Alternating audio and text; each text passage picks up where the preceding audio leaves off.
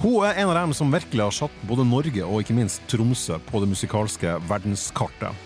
Bandet og soloskivene hennes er anerkjent langt utenfor landegrensen, og hun er kritikerrost herifra til evigheten. Hun har spilt sammen med en drøss andre musikere og band, og har turnert som fast bandmedlem hos både a-ha og Røyksopp. Dama vasser i priser og utmerkelser. Dagens gjest er tromsøværing, artist, musiker, doktor, skuespiller og kulturpersonlighet. Vi snakker selveste Anneli Drecker.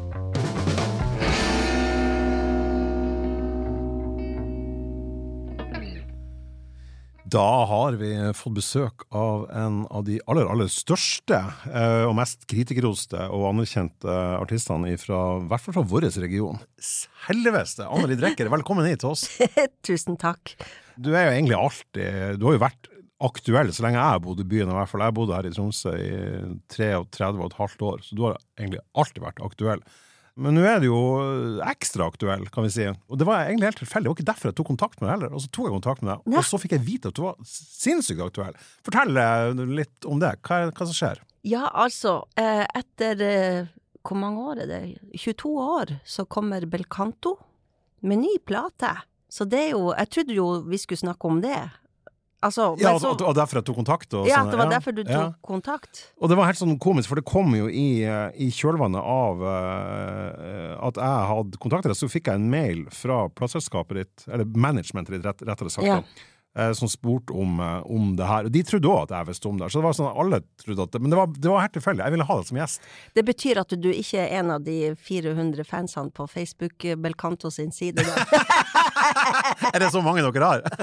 Det er i hvert fall dem Så vi har vært oppe i maks 400 likes, liksom. Ja, det tror jeg kommer til å endre seg ganske fort når, når det blir en aktivitet. Eller? Men det er, jo, det er jo jævlig artig at du er aktuell med, med Belcanto, for du har gjort masse solo og sånn, sier sier tid Men det er, jo, det, er jo, eh, det er jo 2002 er vel siste plata deres, altså 22 år siden. da. Det er jo Ja, ja. vanvittig lenge. Eh, kan du fortelle hvorfor det her kom til? Åh, da må vi spole litt tilbake. Altså, jeg og Nils er jo treg. Um, Ja, Nils, din eh, partner in crime i, yes, i Belcanto. Ikke treg, men, men uh, vi er jo bestevenner, så når vi møtes, så, snakk, så gjør vi jo helt andre ting enn å lage musikk. Mm. Uh, og vi gjør også det, men vi er, veldig, vi er ikke så flinke til å sluttføre ting, da, for å si det sånn.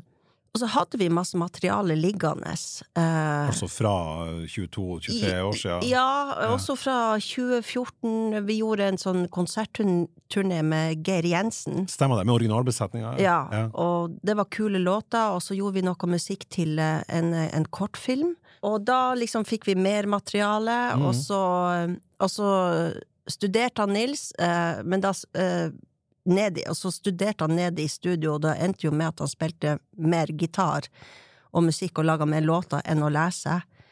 Så det er jo typisk det man Å gjør. ja, ja, sånn prokrastinering, at Ja, du bare skyter ja. ja. sides det kjedelige, og så gjør du det artige. Ja. Ja, så han måtte, han måtte liksom spille gitar innimellom, Mhm. så da hadde han plutselig masse skisser, og så uh, hadde jeg masse skisser.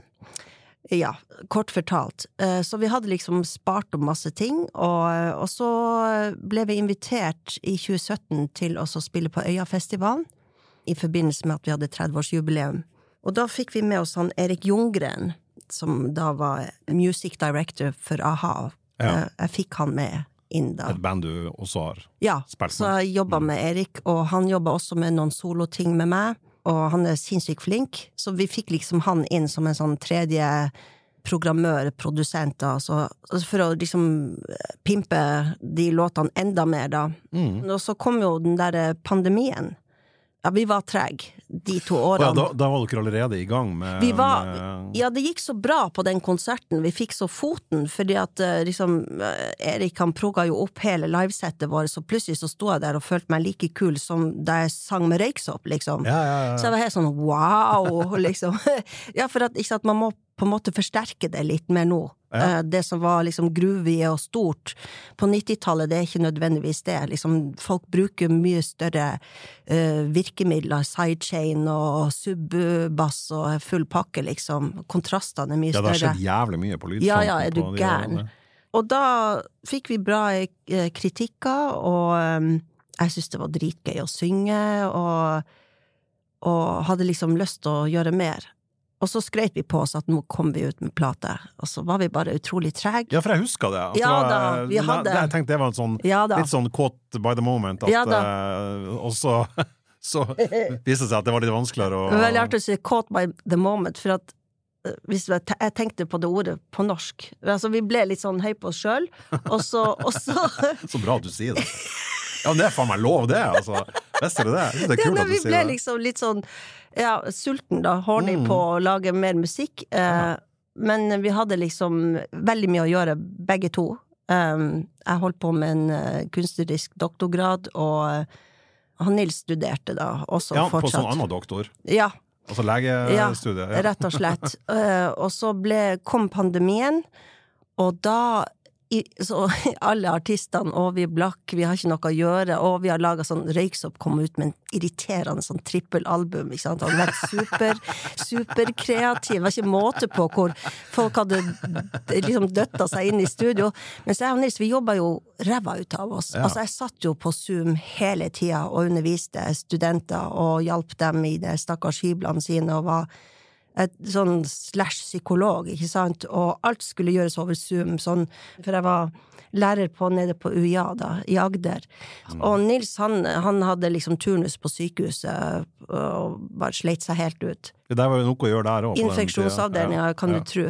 Så rett og slett etter så ble vi så, så åpna jo døren seg, og vi var helt sånn utslitt, liksom, og alle artistene Ja, kom ut med plate. lufta gikk litt ut av- ballongen, egentlig, av, av uh, arbeids... Uh... Ja, eller sånn, vi hadde jo ikke fått gjort noe av Belcanto, og vi hadde jo sagt at nå kom vi ut med plate.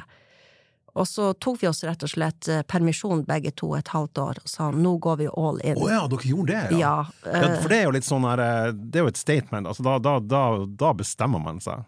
Ja, Litt sånn hardt. Ja. Nå skal vi faen meg gjøre det, altså. ja, Ja. det var bare så irriterende å liksom se alle de andre liksom komme uthvilt eh, sånn etter pandemien. Og liksom, jeg tror egentlig det var det trippelplata til Røyksopp som bare sånn helvete. Ja, ja at det ble, tri- ble trigga at at de var så jævla kreative. Så, så, eh, ja, så, så det var det. Og så, og så var det noen runder med plateselskap og snakking og sånt, og så var det skifting av management. Og så plutselig så klarte vi å lande det, liksom.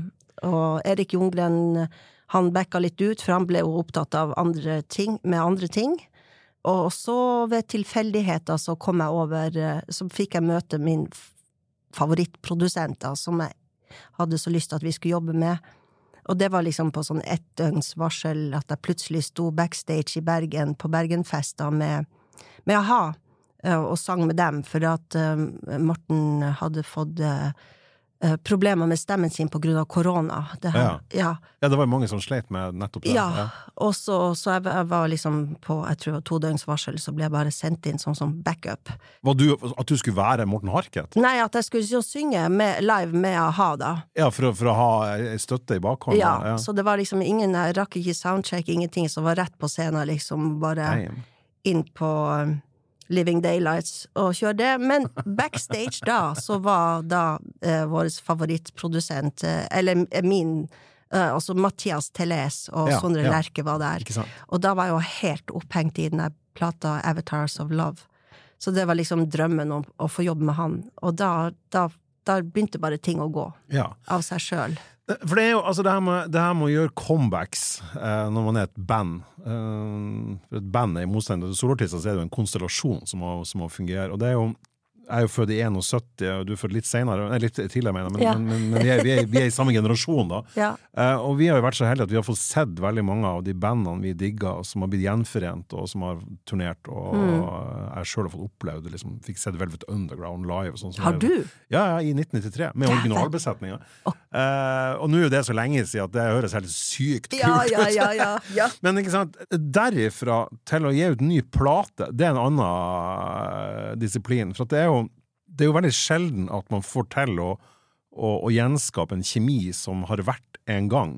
ja. Så det her med å liksom gå i studio altså En ting å gjøre en sånn øyekonsert sant, med Geir Jensen fra Biosphere tilbake, og nå skal Ja. vi vise eh, sånn fordums eh, storhet som dere åpenbart virkelig lyktes med også. Men å få det her ned på tape igjen og skrive nye låter og sånn, Mm. det, det er litt skummelt, for du, du, du legger jo til en en ny utgivelse til diskografien deres, som skal stå Ja. rygg mot rygg mot, mot i dette tilfellet da, norske popklassikere. Har du noe shit. forhold til det? eller? Jeg syns bare det er jævla skummelt når jeg sier det. synes Jeg det, når du sier det nå, jeg kjenner jeg blir svett. Uh, ja, ja, for at, for at uh, vi er uh, livredd. Ja. Men uh, samtidig så, så er vi også veldig fornøyd. Vi hadde aldri gitt ut en plate som vi ikke var fornøyd med. Det hadde vi ikke gjort. Nei, jeg ser vel også en, tenker jeg, en sånn som for din del, som, som er vokalist. så er jo, altså, det er ofte, eh, I de gjenforeningene så er det jo ofte vokalen og trommen som er blitt dårligst. I hvert fall innenfor rock. da, så er det, sånn, det, det er ofte det som man merkes best, at her har det vært lenge siden. Ja. Eh, Trommisene, i hvert fall innenfor rock, så går det på en sånn fysisk kondisjonsting. Ja. At det, de har ikke den energien i, i seg lenger. Og I hvert fall hvis det har vært lenge siden de har gjort det. Ja. Og vokalistene av åpenbare grunner for at stemmen blir sjelden bedre med, med årene. ja. Men eh, for ditt vedkommende så har du jo Du har jo holdt uh, bokstavelig talt stemmen varm, da. Du har jo gjort ting hele tida. Eh, det er ikke sånn at du ikke, at du har, ikke har sunget siden 2002. Nei, da hadde jeg ikke tort å Nei. synge inn plate. Så jo, jeg har holdt de musklene i gang. Det har jeg. Men stemmen min har forandra seg. Det har den. Mm. Men, eh, men jeg har også jobba mye med vokalteknikk og, og gått tar en utdanning sjøl i å bli vokalpedagog. Og da må jeg lære meg masse forskjellige teknikker. Mm. Pluss at jeg har eh, i, i doktorgraden min så hadde jeg sånn dypdykk i, i eh, forskjellige sånn etniske sangstiler og sånn, så eh, stemmen min har forandra seg, men jeg har helt tatt brukt den. Så det har jeg ikke vært bekymra for sånn. Um, det er mer det å synge de gamle sangene. Mer Ja, for det liksom- var det jeg tenkte på med en gang du sa det. Ja. Det Sånn, hvordan, hvordan, eh, hvordan, hvis du da skal gjøre låter fra de, de to første platene, hvor dere låter veldig annerledes enn Ja, altså, vi hadde jo på I Bukta, så Ja. hadde vi jo Da Ja, spilte vi jo Shimring-plata, ja. og det var jo én lys tone da på Og det er jo den tredje, tredje skiva deres. Ja, ja. og det var jo bare noen et par år siden, eller noe sånt. Ja.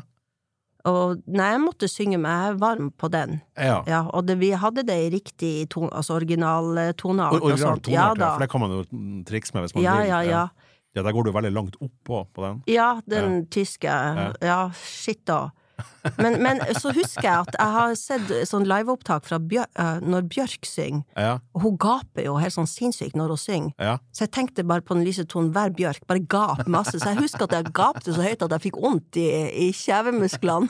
Det var jævla bra om kjevene gått ut av ledd. Ja, for jeg Da er media og koser seg. nå, nå liksom maks bare gap høyere enn du tror, liksom. Så det gikk jo. Ja, Ja. ja, ja, herregud. Nå er egentlig problemet mitt at jeg ikke Jeg må ikke tenke teknikk. Altså, når jeg var yngre, så ante jeg ikke hvilken teknikk jeg brukte, liksom. Da sang jeg helt sånn intuitivt med den stemmen jeg hadde. Mens nå så har jeg liksom begynt å plages litt og sånt, og så Og så det verste er hvis jeg liksom synger låtene feil mange ganger, for da får jeg sånn feil muskelminne, så jeg må liksom bare begynne helt fra scratch. Ja, det er bare- så teknisk, ja. ja, ja. Og så, og så bare sånn hente fram de gamle musklene, på en måte. Ja. For at, eh, jeg- husker en gang jeg intervjua deg, så, så sa du at, eh, at han Per Erik Johansen, som da var, var manageren dere, eh, deres en stund, vi skal komme tilbake til han selvfølgelig, at han ba deg om å ta sangtimer, ja. og du ble egentlig gjerne sånn fornærma. Ja, og jeg liksom angrer jeg så, det? Ja, men jeg angrer så sykt på at jeg ikke gjorde det, fordi at hun eh, Hun som Han ville at jeg skulle gi sangtimer Nei, som skulle gi meg sangtimer, hun, eh, hun var jo lærer på Operahøgskolen, og jeg hadde alltid hatt en drøm om å lære meg å synge opera. Det var egentlig det jeg ville bli. Ja, ikke sant? Så Ja. du ville ha- sannsynligvis ha en payoff av Ja, det? er du gæren? Eh, absolutt, med sånn støtte og alt sammen. Jeg, jeg synger med den stemmen jeg har. Ja, og det har jo gått ganske greit, kan vi si også, så, så, så det syns jeg, jeg du skal fortsette med. Eh, Det som var artig her, når jeg sendte um, Først snakka med deg på telefon, spurte om du hadde lyst til å komme uh, som gjest. Det hadde du heldigvis eh, lyst til. Uh, og så er gangen i det pleier at jeg sender en e-post til folk, og så spør jeg sånn uh, Det er gjerne sånn fem-seks bare sånn grunnspørsmål jeg stiller. Sånn, hva Husker du noen barndomsminner som kunne ta deg til musikk? Og sånn. og Det er jo ofte for å få i gang hjernen til folk, både min og gjesten sin hjerne. Og så får jeg som regel et uh, A4-ark med, og så sier det folk drit sånn, drit i rettskriving og sånn, jeg kan godt få notater, bare få noen, noen punkt så vi har et eh, sted å starte. Og så satt jeg og så på, eh, så på en TV-serie med, med kona. Og så så jeg mellom eh, to episoder at, at jeg, jeg hadde fått mail fra deg. Så åpna jeg et Word-dokument, og det var rart, for jeg åpna det på telefon. Og så sier jeg til, sier, sier jeg til kona mi se, se på det her, nå har jeg fått svaret fra, fra Anneli. Og jeg fikk jo nesten senebetennelse i pekefingeren for å scrolle meg ned i bunnen av den mailen. I kursiv. Altså, Ja, ja, ja, ja, i kursiv. Og det var, det var, det var ikke notatet, altså. Det var eh, hvis, gi, hvis et forlag der ute hører på det her og tenkte å gi ut uh, Annelies memoarer, så har jeg en bra start på det her, altså. For det var Nå har jeg kappa det veldig ned, så jeg sitter jo med en sånn sju av fire sider fremfor meg. Eh, og tettskreven. Og grunnen til at jeg sier det her, det er jo ikke for å gjøre narr av deg, Anneli. Det er, jo tvert imot. Det, at, eh, det virker som at det virka som det var bare en sånn vulkan som ble tent fyr på når du kunne snakke om, om musikk, og du begynte å skrive om barndommen og om ungdomstida di og om den voksentida di, og det er sånn Jeg ser bare her at det er en sånn der, eh, Det er altså en sånn boblende interesse for musikk som er altså så vill at den, den ser ut til å ha vært der hele tida, og den ser ut til å være der den dag i dag. Ja. Jeg er jo så heldig at jeg kan jobbe med musikk eh, og få betalt fra staten, holdt jeg på å si. Ja, ja. Jeg får liksom Jeg er jo lærer i musikk nå. Eh, på, Er ikke du doktor? Uh, Jo, jo. Ja. eh, Doktor, Doktor Drekker? Drekker, ja, det Det er høres kult ut. Det er nesten Ja. et bra artistnavn. Ja. Ja. Så jeg underviser i låtskriving og musikkproduksjon, Mm. eh, og har gjort det siden 2017. eh, Og også har vokalister, altså rene sangtimer. Ja, eh, det, altså den lidenskapen er der hele tida. Det er veldig artig at jeg er lærer på Konsten, for jeg, jeg kom ikke inn på Konsten sjøl. Konservatoriet? Ja. Ja. Jeg kom ikke inn der på audition. du, å ja, du prøvde å komme inn, og kom Ja, ikke nei, for jeg er jo noteblind, oh. som jeg har skjønt. Altså, jeg er jo oh, ja. autodidakt og noteblind. Altså, som er, som er det samme som å være dyslektiker, Ja. bare innenfor noter? Ja, ja. Er det en ting, altså? Yes, det, it's a thing. Og det sa de når jeg skulle liksom Jeg gikk på sånn sommerkurs på NIS, det er sånn uh, musikkteorikurs, Ja. og så skulle jeg stikke av fra eh, eksamen da til slutt, for at jeg huska ingenting. Det var bare streker og linjer, og da hadde vi hatt kvinnsirkelen opp i mente, liksom. Og jeg skulle jeg, Nei, jeg måtte bare til Harstad på en Nils Petter Molberg-konsert, liksom. Jeg, jeg måtte stikke, liksom. Ja, ja, ja. Og da tok eh, en lærer meg til sida, og så sa, sa de at det, liksom, du vet at det er noe som heter noteblindhet. Jeg bare hæ? Ja, og sa han både liksom, Paul McCartney har det, eh, Anne Grete Preus har det, liksom. Ja. Jeg bare sånn nei. Ganske greit selskap å være, da. Det, var, det, Ja. det går an. Det går an, sånn at jeg er liksom lærer, Å, men jeg Ja, du er en norsklærer som er, som er ordblind, liksom. Det er Ja, fantastisk. Ja. Da har verden gått litt fremover, tenker jeg. da.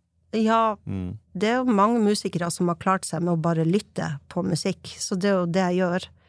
Jeg vet ikke, jeg, jeg bruker liksom de samme redskapene som når jeg lager egne låter i undervisning. Mm. Ikke sant? Det det å, å finne det magiske punktet, liksom finne sannheten. Hva er liksom budskapet i teksten? Hvor skal vi legge trykk? Kan du synge det litt annerledes? Kan du, altså uansett om det er produksjon eller hva. Så, og jeg syns det er så fantastisk å jobbe med, med unge mennesker, unge, sultne mennesker. Det er så mye bra musikk som vi ikke får høre, på en måte som bare Altså, det er så mye som går under radaren.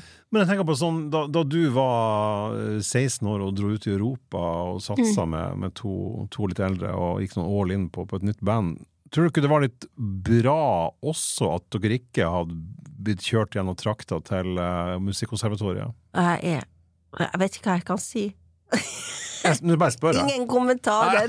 ok, Med andre ord, du er enig i, i, i, det, i antakelsen? At det var bra at dere fikk utvikle dere sjøl? Ja, Ja. på en måte. Men jeg ser jo nå at altså studentene som eh, eh, De får jo lov til å jobbe i fred og utvikle seg. De får det. Vi er mer sånne mentorer. Men selvfølgelig, de må gjennom musikkteorier, og de må jo gjennom masse ting. Og jeg opplever mange studenter som sliter med akkurat den biten, da. ja. Og jeg er liksom for at man skal ikke ta bort det kravet, da. For det har de gjort i USA.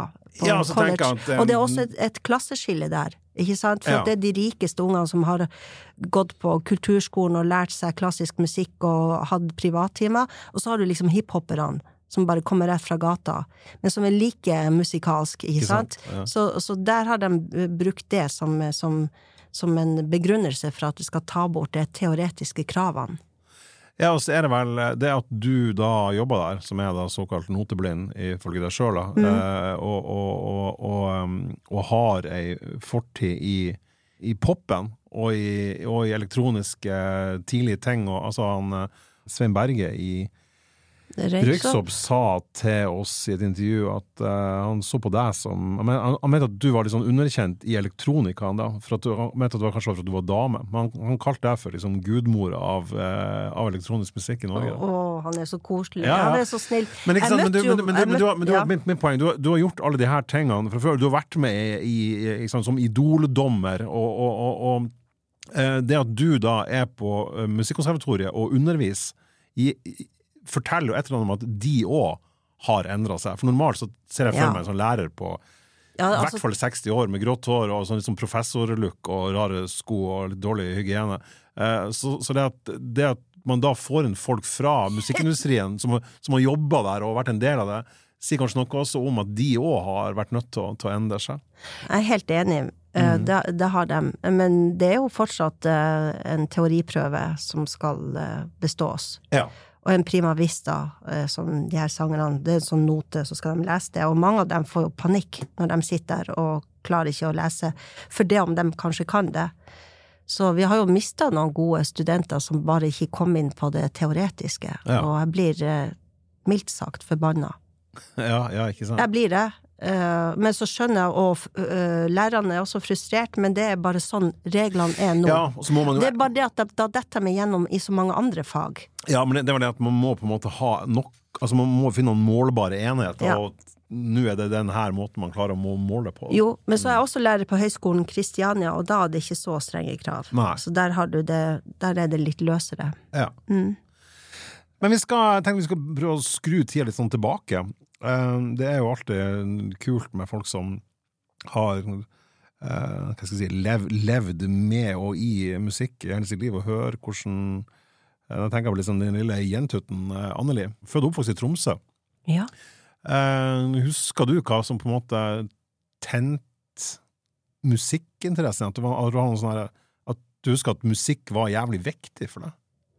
Jeg vokste opp i en veldig musikalsk, eller musikkinteressert familie, eh, så eh, eh, Så min pappa spilte trekkspill og kirkeorgel, og, og, og det hadde han gjort helt siden han var barn, faktisk. Han turnerte med storebroren sin rundt og, og sang sånne deutsche lieder. Sånn, han var tysker. ja, Ja. fra han var fire år. Mm. Um, og liksom kom hjem og var liksom veldig sånn den musikalske fyren da, som spilte opp til dans og på fest og alt sammen. Jeg husker han veldig godt. Han var kunde hos meg i platebutikken. Ja, han Ja, var ja, det! veldig, veldig kul eh, kunde. Veldig interessert. Veldig, og kunne stå lenge og skravle i kassa. Og, og hadde masse musikalske referanser som jeg ikke kjente til. Sier du det? Ja, ja. Og det er helt Han nytt for kom og meg. kjøpte plate av deg også. Det var så Ja, for at han skulle sende til slekta i Ja, sikkert. Det var sikkert. Ja, ja, ja, tenkte faen, får han ikke skiva av dattera si, tenkte jeg. Må, må kjøpe de sjøl. Men jeg husker han en veldig, veldig musikkelskende eh, mann, da. Det var mer det jeg skulle frem til. Jeg tror nok at han egentlig ville være artist sjøl. Mm. Og så var det mamma som var uh, solist i Kongsberg pikekor, og utvekslingsstudent til USA, og sang Amazing Grace på, foran hele eh, skolen. Å herregud, at du har flyttet fra begge, begge leirene, du. Ja, jeg har Ja. et bilde av dem hvor de sang i samme band, faktisk, sammen. Eh, Sånn, eh, du var nyforelska, ja, på, liksom. på Kongsberg kro. Bestemor mi eide Kongsberg kro, så de liksom Wow. sang, liksom har holdt ja, konserter eh, sammen. Også, så- søtt. Ja! Mm. Eh, men hun ble jo lærer da, og, og rektor, men hun, hun kunne liksom alt av tekster, og hørt, spilte kassetter på kvelden på kjøkkenet, liksom Elton John og Bruce Springsteen og Ja, jeg mener, husk at du sa til meg i et intervju en gang at hun, hun likte også ACDC og Hun likte ting. alt. Hun var helt sånn Hun elska den der gitaristen, han, som- han som hoppa rundt i shortsen. Angus Young, ja. Ja, Ja. et- hun var forelska i han. Hver gang hun så på han, jeg og broren min, vi flirte, for hun rødma. Mora til André Drekke var forelska i. Angus Young. Ja, ja, ja. Det, det- Hun, ble, hun bare satt og smilte, og så var helt sånn rød i trynet. Og så ligger det plutselig sånn Dead Can Dance, ikke sant, og, og Joy Division, hva er dette, liksom, og Wow. sånt. Eh, Men, altså nyfiken, med andre ord. ja, og så hadde de masse vinyl hjemme, eh, så jeg vokste opp liksom med Dolly Parter, uh, Parton, unnskyld. Dolly Parton, ja. ja. Ja, Som, liksom- som var, mora di var fan av, da? ja, Var det noen absolutt. spesiell plate, eller? Eh, nei, gud, jeg husker ikke Jeg husker bare et hvitt, sånn hvitt krusete, stort hår. Uh, Er det sikkert det var en 9 den- to 5-plata? Ja, 9 to 5-plata. Ja. det var jo den. 1980. Ja, så, og um, eh, Scott Walker, Roger Whittaker Å, Scott Walker, ja! Hadde had foreldrene dine originale Scott Walker-plate fra, fra 60-tallet? Liksom. De, ja. wow. Og det, og det er en veldig artig historie. Det her er en veldig artig Ja, historie, fordi at jeg har hele tida trodd at Scott Walker sånn, Jeg så jo ikke på de her vinylene når jeg ble voksen, og så plutselig ble de borte. Jeg tror broderen knebba dem, for jeg, de ble mystisk borte. Ja. og så eh, har jeg hele tida trodd at Roger Whittaker var Scott Walker. Å, jeg- herregud! Ja! Så jeg liksom leita sånn på Spotify, Spotify. så bare sånn Nei, det var ikke så kult. Helt til en student, da. Jeg må bare si her, for Ja. unnvide. altså Roger, eh, Roger Whittaker er altså da en, eh, en hvit eh, kenyaner, mest kjent for å plystre. Altså en sånn plystretryne. Jo, men han har eh, mørk stemme. Ja, men en, en veldig, veldig stor uh, anerkjent artist. Ja. Scott Walker, derimot, en amerikansk kunstmusiker, må man kunne si. Han hadde et, um, et, en kommersiell suksess på 60-tallet med, med The Walker Brothers. Da. Ja. Uh, og så gikk han solo og ble egentlig mer sånn avantgarde uh, etter hvert. Og altså På 90-tallet var det, det var jo ikke ett indieband som ikke name-droppa Scott Walker. Altså alt fra Madrugada til, til Tinder Six. Jeg vet sant? det. Ja. De har jo tatt den der eh, 30th Century Man. Ja, så derfor er, derfor er det liksom når, når, når da eh, forveksling av Roger, Watt Roger Whittaker og Scott Walker, den er, den er, den er, det er liksom eh, Det er Wenche Myhre og Bjørk. Ja, og nå kommer jeg med, med en, en historie til. Du kommer til å le. I hvert fall, så eh, For noen år siden så hadde en student, en jævlig kul student, eh, Terence Do Doherty het han, er på UiA, som uh, spilte opp uh, Scott Walker for meg. Altså, han skulle gjøre It's Raining Today på en konsert. ja. Og da begynte jeg bare å gråte i timen. Jeg bare sånn Der er han jo! Han rette, ja! og han plystra ikke! Og Terence han skjønte ingenting, og jeg bare reiste meg på stolen og ga han en stor klem. Ja. Bare 'tusen takk, Terence, Ja, jeg ja. etter han hele mitt liv'. Han har liksom på en måte forsvunnet ut av livet ditt og, og var umulig å gjenoppdage. Herregud, for en absurd eh, Jo. greie. Ja, Men- så, så artig og så fint. Ja, sånn at jeg, jeg har fått han tilbake nå. Eh, og det morsomme er at eh, Sivert Høyem Ja.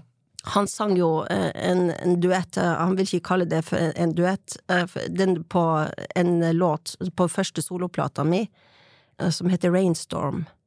Altså den Tundra-plata. som kom i Tundraplata, ja. Det var liksom akkurat når eh, Per Erik og dem hadde signa Madrugada. Ja, Eh, stemmer det. ja. ja. På Virgin, ja. Ja, Mm. og, og jeg skulle nok hadde han Han skulle nok gjerne ha sunget andre vers og sånt, og øh, det er noen som mener at han er litt for lav i miksen, og det er et, et sårt tema. Men i hvert fall så skulle jeg gi han. verdens beste kompliment. ja. Og det her var jo øh, Og så sier jeg bare, vet du hva, stemmen din minner meg så mye om Roger Whittaker. Du sa feil til han òg! Du mener Scott Walker! Og jeg så på han at det ikke falt i god jord. Jeg var sånn Hva som var feil? Å, herregud! Jeg ser for meg Sivert. og, du liksom så- Kjempe, Ja. Kjempekompliment. Og da had, mente jeg jo egentlig Scott Walker, ikke sant? ja, som, som gir kjempemening. Ja! Sivert Høyem og Scott Walker gir veldig Ja, mening. det gjør jo det, så det var det jeg egentlig mente. Sykeste misforståelsen jeg har hørt om. Så jeg håper han hører denne podkasten, for jeg har aldri fått skal sørge oppklart det. han, jeg skal sørge for at han uansett får, får, får vite det. Ja, Scott Walker var jo Han var jo um, Jeg husker jeg leste i forbindelse med da han døde for noen år siden, så var det en, uh, en journalist som skrev et, et sånn minneordroman for oss, Morten Solle Nilsen. Og så skrev Det var et intervju med Det var en sånn pressekonferanse med David Bowie da han slapp den der uh, Earth-plata, eller hva den heter, den uh, sånn type 293. Uh, Og så det var en sånn diger pressekonferanse med masse masse journalister, og Bowie var åpenbart veldig sånn, litt sånn lanseringssliten. Ja. Og så var det noen som eh, nevnte eh, den Tilt, nesten comeback-plata til Scott Walker, et veldig veldig sånn kunstner. Ja, ja, ja, ja, ja. Og da våkna det Bowie. ja. Det ville han snakke om. Ville han Han var jo superfan av ja, Scott så han ville Walker. bare snakke om Scott Walker da, resten av pressekonferansen. Eh, Det tror jeg kanskje ikke ville ha skjedd om det var Roger Whittaker, som har eh, Tenk hvis jeg hadde vært journalist da, og kommet med den Det er David Bowie. fra Ja. salen. ja, du er veldig inspirert av Roger Whittaker, David Bowie, som du alltid har vært. Men vet du hva, det tror jeg at jeg spotta. Eller jeg må ha den sånn forkjærlighet med menn som synger med dyp stemme, i hvert fall. Ja. Og lavt strupehode. Det For at- finnes uh, verre ting. Så Sivert, for eksempel. Ja, ja. Jeg hører jo han hvis han kommer inn i en kafé eller sånt. Jeg husker da jeg bodde på Grünerløkka. Jeg kunne høre han i folkemylderet. For han ligger liksom en oktav lavere enn alle andre. Ja, og, og nordnorsk Ja. i tillegg. Ja. Det er en fin kombo, altså. Ja, så det er sånn 'women respond to base', er ikke det folk sier? Så, det, det, så David Bowie ble jo da min neste helt. Ja. ja. Du var jo i Tromsø i, i, barndommen din, og jeg, da jeg, da jeg flytta hit sjøl som sånn eh, Jeg var jo 19, 19, nei, nesten 19 år, ferdig med gymnaset, så kom jeg liksom opp til Tromsø. Og det var jo der Nordens Paris og alt det der, så fikk jeg vite forklaringa med det her. Moten kom hit fra Stor-Europa, og damene gikk her i bla, bla, bla. Men det jeg, det jeg syns For meg, denne Nordens Paris-greia, det er det jeg fortsatt er, og det er det jeg var før da jeg kom hit, det var at jeg fikk en sånn jævla feeling av å være i et veldig sånn kontinentalt europeisk miljø, hvor det var sinnssykt bra platesjappe, veldig god tilgang på veldig mye som, som plassen sin størrelse egentlig ikke skulle tilsi. Altså sammenlignet med type Fredrikstad, Sandnes, byer med, med samme størrelse. Ungdomstida di var jo midt i, i, i det her, altså noen år før det igjen, altså mm. slutten av 70-, tidlig 80-tall. Kan du fortelle litt eh, hvordan det var å, å være en del av For du var, jo- du var en Ja. del av det som ble et miljø. Ja, ja, ja, ja, absolutt. Altså, jeg, jeg hadde, eh, som sagt, moderen og faderen var musikalsk, men min storebror, han eh, var fem, eh, han var, og han er fortsatt fire, fem år eldre enn meg. Mm. Når jeg var sånn elleve år, så fikk han en sånn åpenbaring. Han slutta å høre på uh, TNCC og Pink Floyd, og, og liksom bare skifta musikkretning, og allierte seg med Vidar Hansen, unnskyld. Ja, som nå driver, eller har drevet Beat Service Records i masse år. Yes! Elektronika-fan. Ja, de ble best, de bodde ikke så langt unna hverandre og ble bestiser, og de dro til London og kjøpte liksom de siste hot, hotte platene med liksom sånn alternativ uh, synthpop. Fra jeg var elleve år, så ble jeg liksom introdusert til Joy Division og Orchestral Maneuvers in the Dark, og Wow. jeg gikk liksom rundt på barneskolen og, og ungdomsskolen med Walkman og hørte på Depeche Mode, ikke sant, og Ultravox og, og Human League og Ja, som da var veldig eh, Ja. Veldig nyskapende og, Ja. og viktig. Ja. alle de platene som kom ut i 81. 81 synes jeg er et sånn magisk eh, eh, årstall, eh, fordi at liksom Blanc Mange og, og masse sånne sære ting, da. Eh, og jeg ble helfrelst. Det, det ble jeg. Jeg hadde også på, på egen hånd liksom oppdaga Jean-Michel Jarre. Eh, Ja, som også var en slags elektronikapioner. Yes. eh. Ja, og det var for at jeg hadde arbeidsuke på NRK. Og da satt jeg meg til å jobbe i resepsjon hele tida, og det var så kjedelig. Jeg gjorde ikke annet enn å sleike på sånne frimerker og, og legge på konvolutter, men jeg hadde så mye tid. Ja. Så jeg gikk liksom i den derre platebuten. Å ja, i arkivet deres. Yes, ja. i arkivet, Ja, ja. og så hørte jeg masse på musikk da, som aldri før hadde kommet over, og jeg oppdaga masse egne ting, som Vangelis og Og så var jeg veldig glad i en, en film som heter å, hva heter den? Midnight Express. Å ja, den eh, Er det Parker, da? Ja, det tror jeg, med han der fyren som flyk, eh, rømmer for, eller endelig slipper fri fra fengsel i Tyrkia. Ja, ja, ja, ja, Sånn. Jeg tror det er Alan Parker, han som lagde ja, The ja, Wall. ja, ja, ja, ja. Og jeg husker jeg gråt, og det var, og det var også sånn syntmusikk, ikke sant, så jeg bare skjønte hva er det her, det her liksom åpner masse Wow, dører for meg. meg. sånn Midnight jeg. det kan, kan jeg ikke huske å ha hørt engang. Men, eh, Jo, det var den første kassetten jeg kjøpte faktisk i platebutikk, for jeg så, Wow. så, så den var der, så jeg, jeg ble liksom og så hadde han pappa, han jobba som øyelege på sykehuset, han hadde en, en kollega som heter Aleksandr Sojanovic, som har hjulpet masse artister her i Tromsø. Han hjalp alle fra liksom eh, Espen Lind har vært der, eh, alle artistene har vært innom der, eh, og han bodde i en sånn blokkleilighet og hadde en dyr synt da, som heter DX7, Yamaha-synt. Ja, som er en sånn klassisk, Ja. eh, nesten en slags eh, synt eh, Gibson. Ja, ja, ja. Fender. Yes. ja. Og jeg begynte liksom å kjenne igjen den lyden, særlig de bells-lydene. Sånn Do they know it's Christmas time out, og dung, dung Det er liksom deg sju. Å ja, det er liksom. deg sju-lyden, Ja, ja, ja. du gæren. Og det er bare preset, da, ikke sant. Ja, Det er sånn. mm. Uh, og den synten vil jeg så gjerne ha. uh, men eh, han pappa sa nei, Lilly, det kan du ikke, den koster 38 000 kroner. Å ja, satan, var det så dyrt? 40 000 da? Ja! Det er jo en million i, dag. Så det ble piano på meg i stedet, da. Ja. Er du glad for det i ettertid? At du fikk det pianoet, da? Eller at, vi, at, at ja, piano var greia? jeg lagde jo to soloplater, altså Rocks and Straws og Revelation for Personal Use. Da gikk jeg jo tilbake til pianoet, til, det, ja. Mm. til det helt rene, så jeg tok jo klassiske pianotimer og Ja. alt det. Men ja, vi skulle snakke om musikkmiljøet i, i Ja, jeg tenkte for at jeg var, jeg var litt sånn outsider da, for at jeg- jeg kom liksom fra et sånn mm, velmøblert hjem, og så kom jo Ungdommens hus og alt det der, og jeg var jo liksom Så jeg måtte liksom Kan du fortelle bare to ord om hva Ungdommens hus var for noe? Det var et ungdomsopprør som skjedde i Tromsø på i rundt Å, gud, årstallet. Det her kan min datter bedre enn meg. det er tidlig, tidlig 80, er det ikke det? Ja, tidlig 80-tallet, og folk var, de var bare drittlei av at det ikke var noen steder for ungdommen å være. Det var bare satsing på uh, idrett. Mm. Uh, så de okkuperte et hus, da, et sånt bryggehus nede på kaia. Mm. Og det var store opptøyer og kjør. Ja, og Og min- 1. mai og knusing av butikken. Ja, ja, ja. og- Ja, det var, det var heavy shit. Mm. Um, så det syns jeg jo var spennende, å vanke rundt der, da. Og liksom bli kjent med kreative folk. Broderen eh, hadde jo det her kule platen i kjelleren, men i kjellerleiligheta. Men jeg fikk jo ikke lov til å røre dem. Og når han fikk liksom de kuleste kompisene i hele byen, som Ja. var fra det miljøet, liksom, Ja. det punkemiljøet, kom liksom og satt i kjellerstua, så satt jeg liksom oppe i stua og spilte på piano. Flink pike. ja, ja, ja. Eh, og, og liksom lagde mine egne låter, da. Og liksom Hvor gammel var du når du begynte å lage egne låter? da? Nei, ja, det var også litt til Det gjorde jeg fra jeg var tolv år. Å, dæven. Ja. Engelskspråklig, da, eller? Ja bare sånn gibberish. Ja, ja. forsøksvis. Ja, Jeg husker jeg skulle sende inn kassetter til halv sju og sånt, jeg ville så gjerne være med, men jeg fikk Hva, Det er liksom type Ivar Dyrhaug, Ja, ja. Jeg skulle Å, jeg var med Ja. Jeg var med i Halv sju, faktisk, bare som sånn uh, Og du? Som ja, publikummer, Nei, bare sånn som en slags sånn, sånn innslag, som tulleprogramleder. Og da spilte Peder Eksem der. Peder Eksem! Altså, det er jo Yes. legendarisk punkband i Tromsø Yes. som egentlig aldri ga ut noe eh, ordentlig. Det kom på noen samleplat i ettertid. Og jeg var jo helt sånn starstruck. Jeg torde ikke gå bort og prate med dem. Jeg Fortell hvem de var, da. Det, det var jo Per Martinsen. Per Martinsen? Yes. Nils Johansen.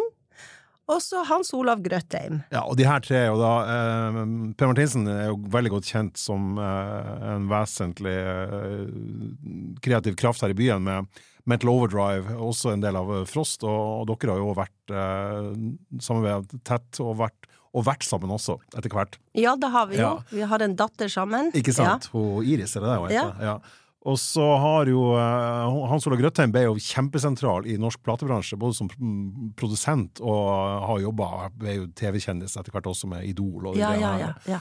Eh, men har jobba tett i, i platebransjen. Og Nils Johansen, som da er din partner in crime i Mm. Belcanto. Og de her var da inne i det samme punkrock-bandet. Ja. Peder Eksem. Var, var han Per var han trommis der også? Han var trommis. Ja. Eh, Nils spilte bass og sang, Ja. og Hans Olav han spilte gitar. Det er veldig artig at, at eh, både Nils og Per har fortid i punken. Det syns jeg er så kult. Ja, ja, ja.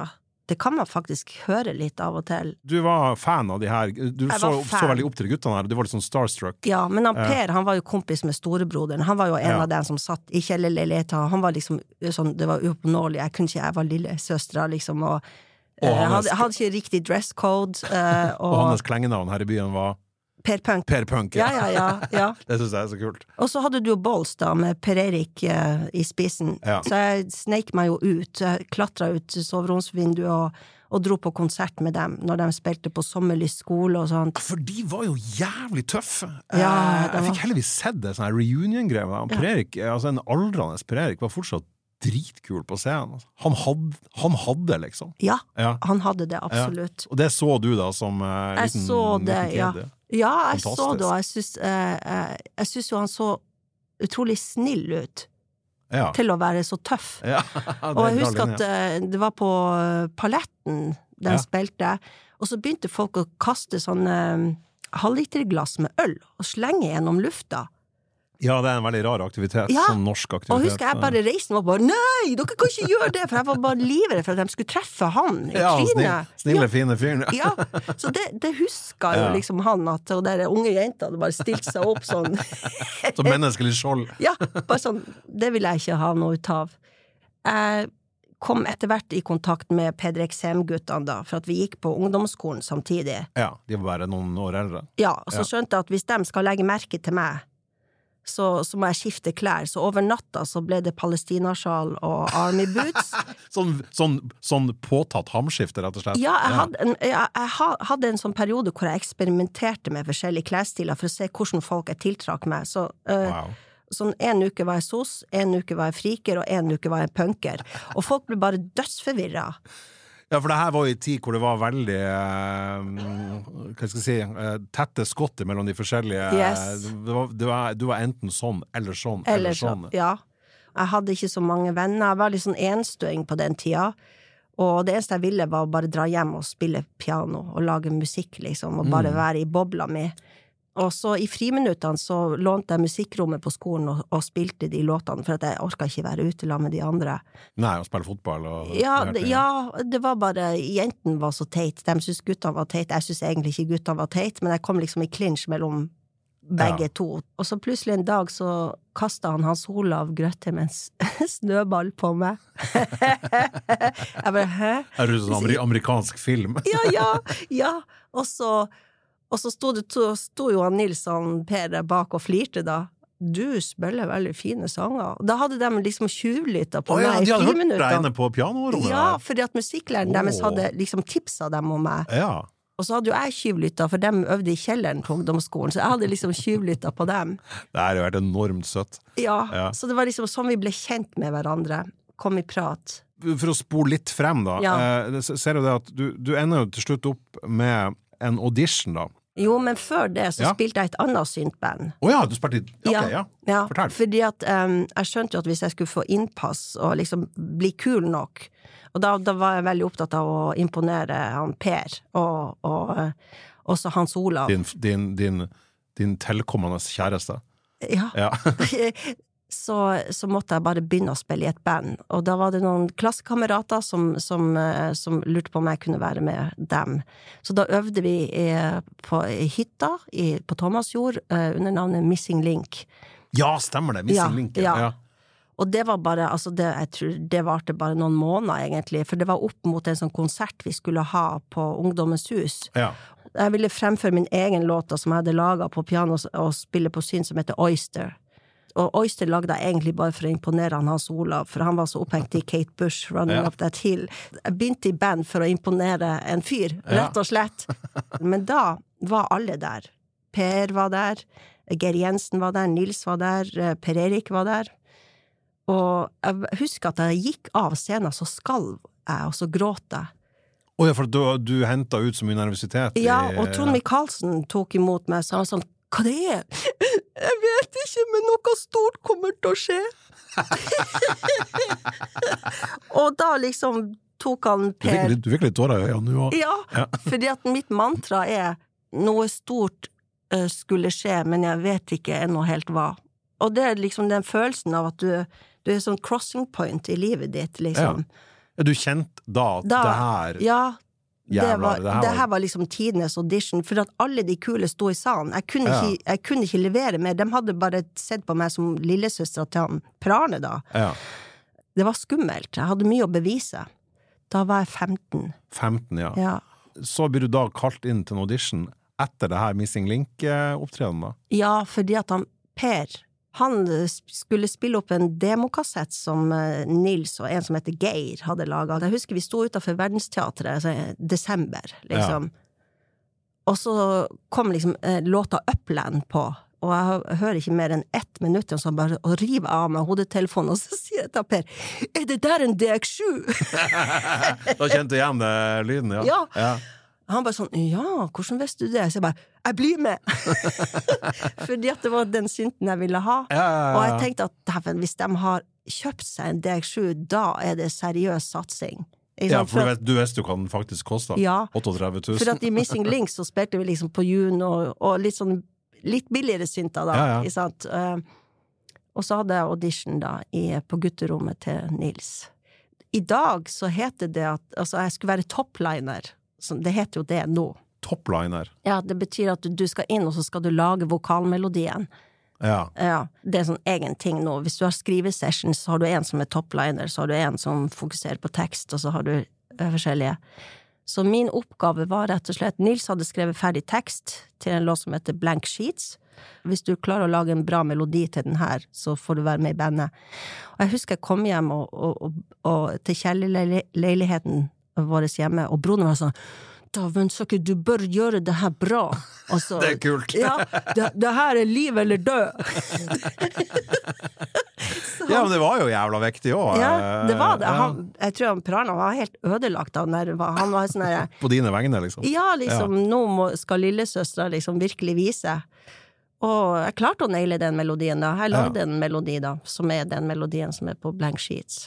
Men etter det her så, så, gikk, du, så gikk jo ting jævlig fort.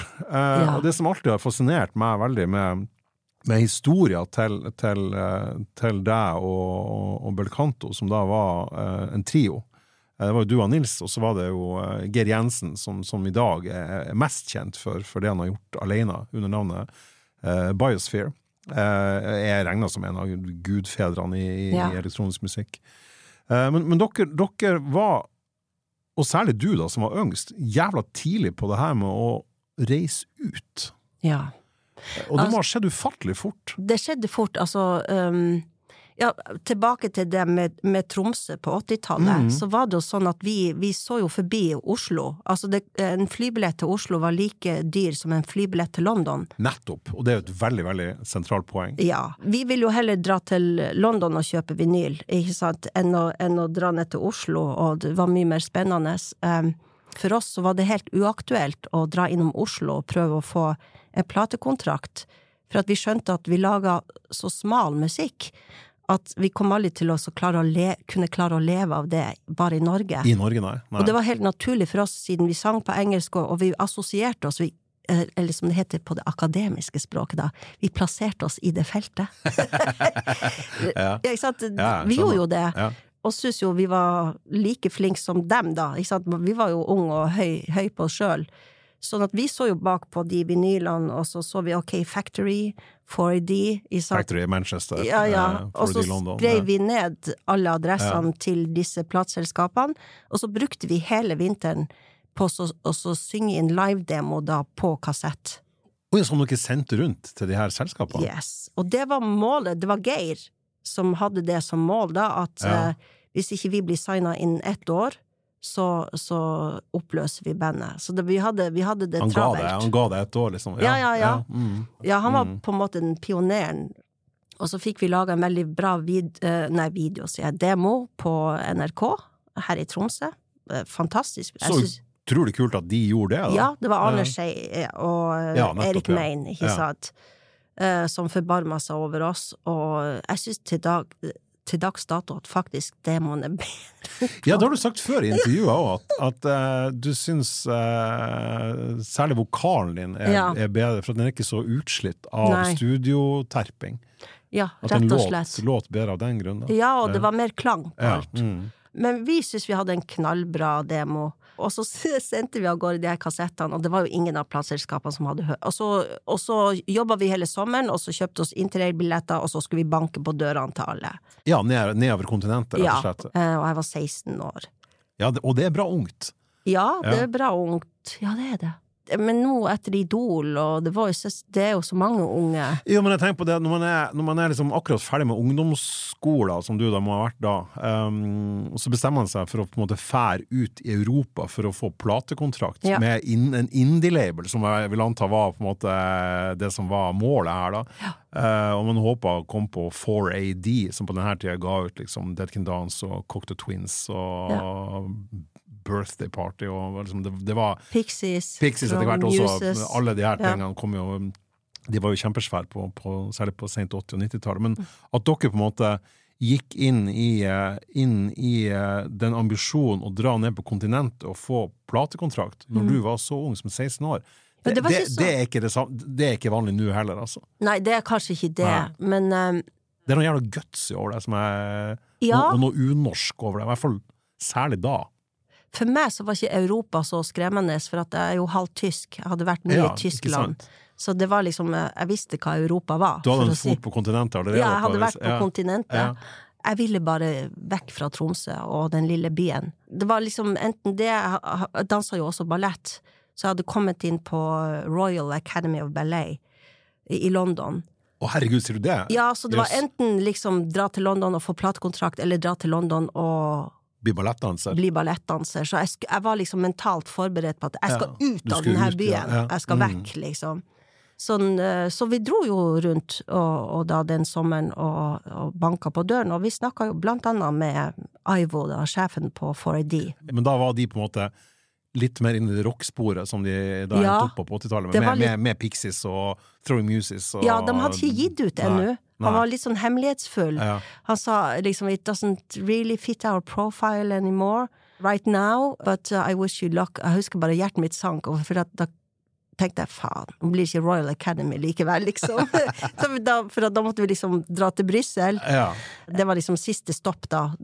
To kule eh, plateselskap i Brussel som heter Cram Discs og Crepuscule. ja. Og det var Cramdisk som ble deres eh, Ja, for- hjem, da? Ja, det var litt artig, for vi visste jo ikke det at ingen på en måte hadde hørt de her kassettene. Ivo hadde hørt det, faktisk. Ivo hadde da ringt til Mark Hollander, sjefen på Cramd, og sagt hør her, det kommer tre folk liksom fra, Fra Nordpolen? Nordpolen Ja.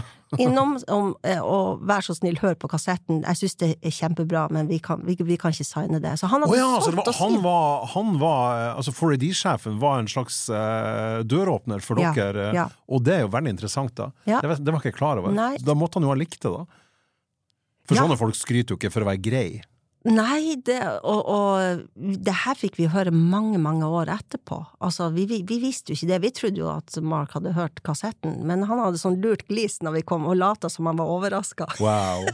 Det er raust.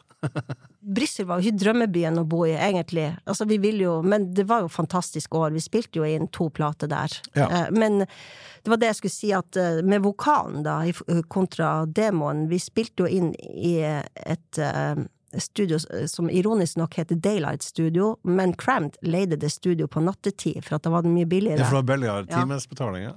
Eh, og samtidig så bodde jeg i en leilighet, en kollektiv, sammen med noen israelske musikere fra, som heter, fra et band som heter Minimal Compact, som var signa.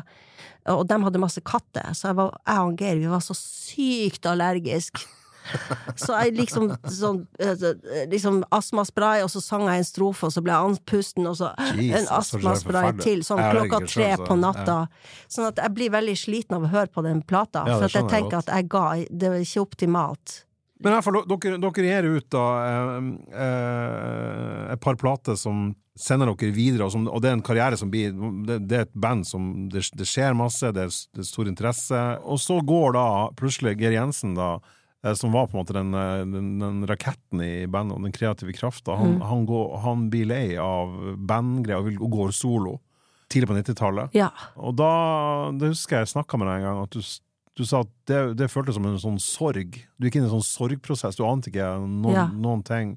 Ja, det, ja, det var... hvor, hvor du skulle hen. Før Per Erik Johansen, en kjent fyr fra Tromsø som da hadde spilt i, i de bandene du hadde beundra som, som jente, spotta deg og spør, skjønner ikke hva det er som skjer. Ja, vi var eh, Lufta gikk helt ut av oss når han sa ha det. Eh, Men det hører med til historien at det siste året vi hadde i Brussel, da hadde vi det ikke bra, noen av oss. Nei.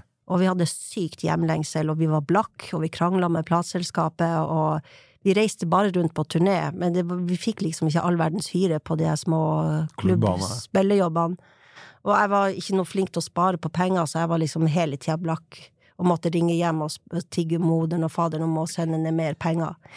Så det var ikke noe glamorøst liv i det hele tatt. Nei. Eh, Så vi bestemte oss for å dra hjem, og Geir han ville rett hjem til Tromsø, men jeg og Nils vi, vi dro til Oslo da. Mm. Ja.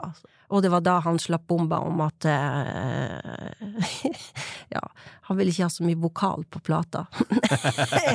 og, og ikke så mye strengeinstrumenter heller. Jeg og Nils så på hverandre, ok. Ja, så likte han egentlig ikke å spille live heller, og han var ikke så glad i å gjøre intervjuer heller. Og det, det, det skjønte vi på den siste promorunden, den var veldig bisarr, ikke sant? Men det er jo Eh. jævla kult òg, han Geir. da. Han, liksom, han liker ikke å gjøre intervju. Vil ikke spille med strengeinstrumenter. Vil, vil ikke ha vokal. Eh, vil ikke tur turnere. Nei, da bare starter jeg opp noe som heter Biosphere, og så gjør jeg det, og så blir det jævla suksessfylt. Og Ja da. han er jo en levende legende innenfor Jo. ambient. eh. Ja, og Så det jeg ikke skjønte da, det også det at han hadde veldig sånne strenge regler for hvordan altså, lydene skulle høres ut, og sant ja, Litt sånn dogmatisk tilnærming ja, til det, ja, det var rett og slett Jeg var jo i et dogmeband. Liksom. Fra å sende kassetter til Ivar Dyrhaug, så plutselig ble jeg med i sånn tidenes dogmeband. Hvor vi bare skal ha sånne kalde lyder som vi hadde skrudd til sjøl. Ja. Ingen presets. Nei. Og sånn arktiske referanser, ikke sant. Og det var liksom eh, Det var veldig mye hans konsept. Ja. Sånn at uh, det her var liksom Bias for light, Ja, med, sant, ja. med litt sur uh, vokal, med dårlig Med litt sur engelskuttale. vokal og dårlig engelsk. ja. Jeg har jo pløyd gjennom eh, katalogen deres nå, fra liksom White Hot Conditions-plata til, til den Dorothy's Victory-skiva. Det er jo, Når jeg hører på Belcanto, og for så vidt når jeg hører soloplaten din også, så, så, så hører jeg jo eh, lyden av et veldig europeisk band. da. Altså Belcanto for meg er veldig sånn, det er veldig, sånn, det er veldig europeisk. Selv om du nevnte Scott Walker, som var amerikansk, så var jo han, selv om han var jo så europeisk i tilnærming at han flytta til London og, og bodde der livet ut. da. Ja, han hadde jo låter som heter Copenhagen og Amsterdam. Ikke sant? Sånn Ja, at, eh, ja, han var jo veldig Bowie som- god i Jacques Brel-tolking, men han var veldig sånn europafisert. Sånn at, Belcanto ja. er jo et veldig eh, Når jeg hører på det, er veldig, veldig europeisk. Det, det, er veldig England og veldig Mm. Frankrike, Belgia. Den, den, den, den, altså, den lyden Abel Kanto er, Det er veldig lite USA i det, og veldig lite Ja. Norge. Er, Ja. er det rett Deler del av den oppfatninga, eller er jeg på bærtur her? Ja, veldig lite Norge, hva du mener da? Ja, altså, det låt veldig lite likt noe annet som skjedde i Norge på Ja, denne tida. Altså. ja. Det, altså, her snakker vi liksom tidlig Tidlig 90-tall, så er det Da er det altså så Da er liksom de fire store Ja. og de her tingene. Dere, dere var liksom på sida av alt. Ja, vi var, vi var kanskje det. det jeg klarer ikke Husk, eh, på den tida så hadde vi ingen eh, å sammenligne oss med. Nei. Nå i dag så blir du jo sammenligna hele tida. Det er bestandig noen som gjør noe det samme som deg, bare enda kulere, som bor i Vancouver eller et eller annet. Du blir så påvirka av, av hva andre gjør, eh, gjennom eh, sosiale medier og strømming og Ja, det går jævlig fort, ja. Ja, Mm. men vi fikk jo jobb i fred. ja. Altså, vi ante jo ikke om Sugarcubes heller. Eh, Før vi bodde i Brussel, så kom liksom den bomba? Bandet til Bjørke. Ja, ja. Og, og liksom Vi bare fikk jobbe helt i fred. Vi ville lage musikk som viste hvor vi var fra. Ja, at den var mer ubesudla enn den ellers ville vært kanskje Ja, i dag. Ja. Og den hadde litt sånn, sånn arktiske referanser i lydbildet, samtidig som at vi ville plassere oss i Europa. ja. Mm. Eh, og min pappa han sa jo alltid til meg, eh, Morsiland, husk at du er halvt europeer. Jeg har liksom aldri vært helt norsk heller, Nei, nei, i mitt sant. liv. Ja. Mm. Så eh, Gir mening, det. Vi hadde det soundet vi hadde. Ja, så vil jeg tro at det, det, du fortalte i stad om den, den, den, den oppveksten du har i Tromsø, hvor, hvor det var det var mange platesjapper, og i tillegg så for folk til London og kom tilbake med liksom Dead Can Dance og uh, Fat Gadget, som du nevnte i stad, eller som du har nevnt på, på mail til meg. Og, sånn, så det, så det, Mm. Og Yazoo og Yazoo. Eurythmics Ja, ja. Yazoo bandet Alice Moyet, og hva Ja. heter han Eurasure-fyren som var med Vince? Clark, han var jo med i Depeche Mode. Vince Clark, ja! Det, han er og faktisk Erasure. Ja, han, han er den eneste Han har jeg møtt. Har du møtt han? Yes. For det, her er en bra fun fact. Vince Clark er den eneste, i tillegg til Paul McCartney, som har toppa den engelske uh, singellista under tre forskjellige navn. Ja. Altså både som Yesu, Ja. Erasure og Deepers Mode, Ja. og Paul McCartney, Wings og The Beatles. da. Så det er kun de to ja, som har gjort det det? ever. Ja, ja, ja. Bare- For det som er artig Ja, og han har du møtt. vi, Nils eh, han programmerte jo altså til Shimmering-plata. Ja. Så brukte han, han, han Nils han brukte en sånn Yumi-sekvenser, BBC-sekvenser, som er veldig sånn derre Du må programmere inn alt av lyder og sånn, du må taste det inn. Dik, dik, tikk. Det var Erik Main som satte han på den ideen. Og Vince Clark, eh, eneste personen som også laga musikk på en sånn Yumi Og på den måten. maskin. Ja. Ja. Så, så det var det jeg klarte å få sagt til han. og han Ja, ble helt sånn What?! Ja, det må være kul Jeg møtte han liksom backstage Ja. på en festival i Miami med røyksopp, og uh, det var, helt, det var så stort for meg å si det til han. Og jeg har et bilde av oss hvor vi står ved siden av hverandre, og han gliser, liksom. Ja, men det er sånn, da har du jo på en måte Da har du en nøkkel inn i hodet hans. Altså. Ja, ja. Da, da er jo det du sier, er jo kult. Det gir jo mening. Ja da. Det er ikke bare sånn I, I really like music. Eh, Du slapp den? Nei, jeg slapp den. Jeg har hatt noen sånne møter, skjønner du. Det, det er en helt annen historie. Vi skal eh, sette deg i en båt og så kjøre deg ut på ei sånn imaginær eh, øy. Eh, mer for å tvinge frem noen, noen musikalske referanser på hva du, Anneli Drecker, anno 2024, eh, velger å, å, å dra frem. Jeg fikk jo ikke ett svar her, her heller på Nei. Jeg, jeg burde ikke ha skrevet Du kan gjerne nevne flere, jeg burde bare skrevet 'Hold deg til ei, du'. Ja. Jenta mi. det, sa, det, sa jeg, det sa jeg da ikke. Men du dundra ut eh, flere ting her. Um, du nevnte ei, ei Bowie-skive, og det er den der eh, På tysk heter den Wir Kinder aus Bahnhof Zoo, som da på engelsk heter Christiane F., og som på norsk heter Å være ung er for jævlig. Å ja, det er derfor jeg finner den ikke verken på Spotify Nei, det må eller være derfor, for at den er jo da eh, Det er jo da soundtracket til filmen. Yes. Best kjent som Christian F. i utlandet, Ja, men som på ja. norsk heter da Ja. Rart den ikke heter Hjelp, hjelp, jeg har brukt narkotika. Det ville vært Det hadde vært råbra.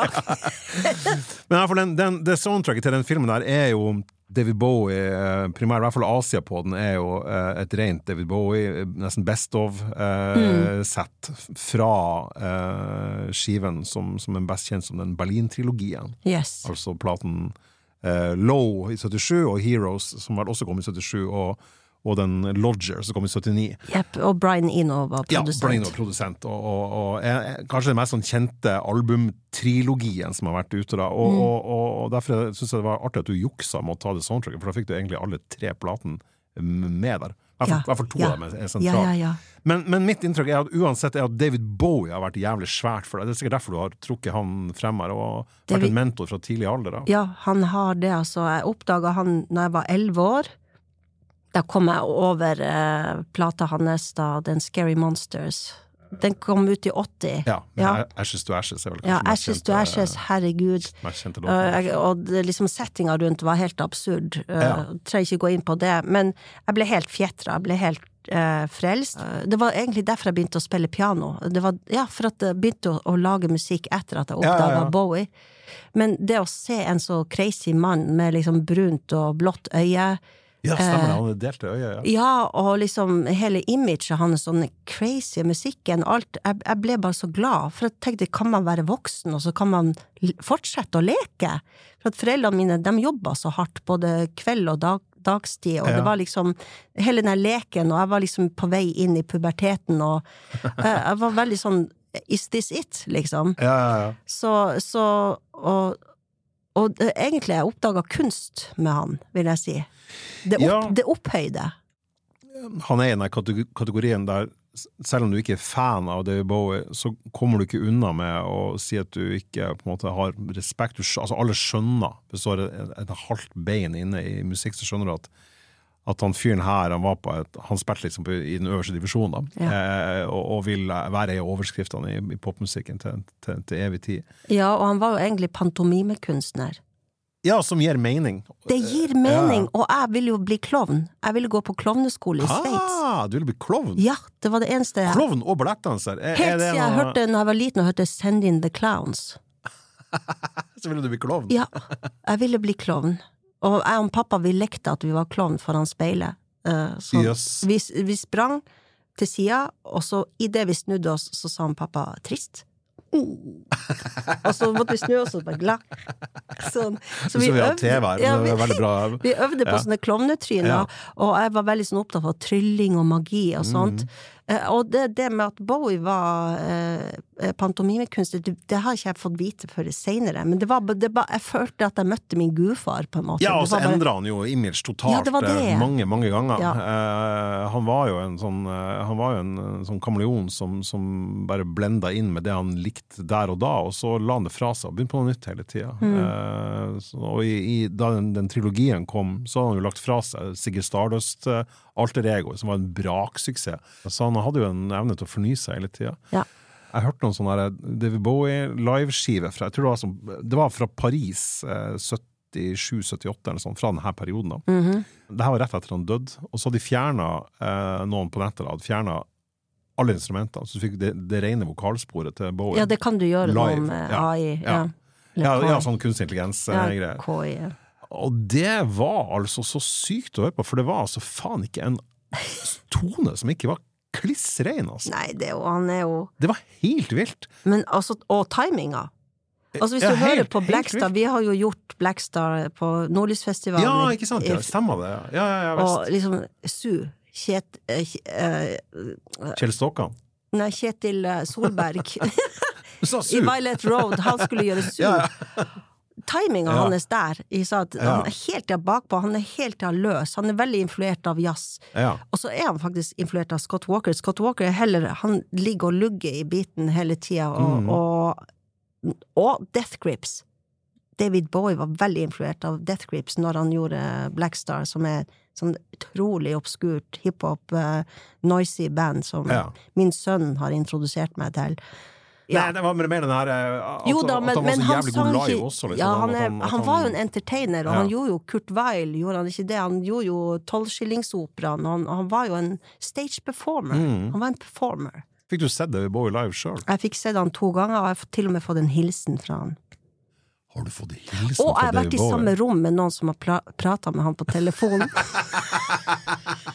Nå ble du, nå ble du Anneli tolv år plutselig her. Jeg ble det. Jeg ble det. Hva, hva, hva tid så du han live, da? Jeg så han live i 96 på Roskilde. Ja, der, der var jeg også. Da spilte dere òg det året. Jeg tror- jeg tror Eh, nei, nei, vi 96. spilte i 92. Jo, kanskje vi gjorde Nei, det! Ja, det var derfor jeg jeg, var på både- Roskilde. Ja, ikke sant? Jeg tror, Ja. både, jeg tror faktisk både Herregud. Belcanto Jeg tror faktisk også Mental Overdrive spilte i 96. Ja, men det har jeg glemt helt, for det var ikke det, var ikke det som var det store. Det var at Bowie spilte, så jeg har helt glemt at jeg sjøl spilte på Ja, for det Roskilde. tror det, det, Nå er det jeg som tror det, jeg har ikke sjekka det, men jeg, jeg, Jo, ganske, stemmer, jeg er ganske sikker på at dere var der. Ja, men det var var, det var ikke viktig, det. Nei, Det var det at Bowie skulle spille der. det var mye viktigere. Det var mye viktigere. Og Ja. Cocktail Twins. Ja, for de spilte også i 96. De ja. spilte Stemmer der, og da Mm. fikk jeg endelig se dem live. Og jeg sto jo helt fremst og bare gråt hele tida. Fordi at uh, i mitt At det var så bra. Ja, og så Ja. er det det at hun har jo altså, hun har jo 17 forskjellige stemmer. Sånn at jeg Første gang jeg hørte Cocktail Tree, så trodde jeg i hvert fall det var to vok vokalister, hvis du skjønner. For Ja. hun har sånn forskjellige nyanser i stemmen når hun synger kraftig og mørkt, og så når hun synger sånn lyst og skjørt. Ja, og det er jo en bra, eh, det er jo en bra bru til eh, en av de andre platene du har valgt på denne Ja, øya. ja. For det er jo den Treasure-plata med Yes. Cocktail Twins. Det er vel den tredje de ga ut, tror jeg. Yes. Um, også et eh, 4AD-band. Mm. Altså, de kunne vært på, du kunne vært på samme label som dem hvis det hadde funka da Belcanto eh, reiste ut. Ja. Eh, kan du fortelle litt om det, hvorfor du akkurat ville nevne den plata? Den Treasure? Det var Per Martinsen som introduserte meg for, for dem, um, og det var bare På den tida, altså når jeg var 15 år, jeg hadde begynt å ta sangstemmer. Vi har hoppa over det faktum at jeg faktisk ikke kunne synge.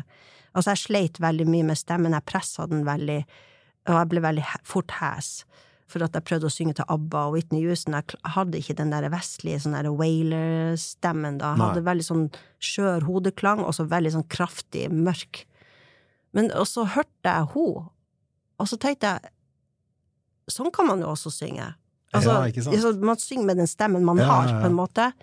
Uh, og, og, um, og før det så hadde jeg liksom hørt bulgarsk eh, synging og, og Diamanda Galas og liksom Ja, Diamanda Galas som uh, Hun ga lå ut noen plate på Var ikke hun på 4AD?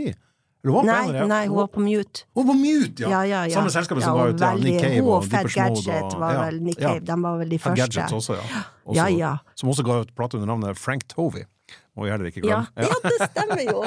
Eh, ja, hun var på mute, selvfølgelig var hun der. der Ja. Og der ga jo Nitzer Ebb og Ja. uh, Neubauten Einstürzen Neubauten, Neubauten, Deutsch-amerikanische Freundschaft Nei, Deutsch- Cabaret Voltaire. Voltaire. Nei, den var på Factory. Deutsche-amerikanische Freundschaft, også kalt DAF, DAF, et band ja. fra Düsseldorf. Så du orienterte deg veldig mot Europa. Og Men hvis jeg kan snakke om ja, Treasure, ja, Treasure. klart du kan snakke om Treasure. Um, jo, så den uh, plata hørte jeg meg jo, hørte jeg jo meg i hjel på, akkurat den. Eh, jeg har da fått innsideinformasjon om innspillinga av den plata fra Simon, da, som er Marbella Union, bassisten. Ja. Eh, han skrev en lang mail til meg en gang eh, om hvordan den plata ble skrevet inn. Hvordan ble spilt inn? ja, altså, den ble spilt inn i en liten by mellom Glasgow og Edinburgh i Skottland. De er skotsk, Ja. og Liz og Robin de var jo kjærester, og Simon kjente dem privat også. Og så var det sånn at de hadde løyet til Fordy og sagt at de hadde materialet klart til å gå i studio, men de hadde ingenting klart.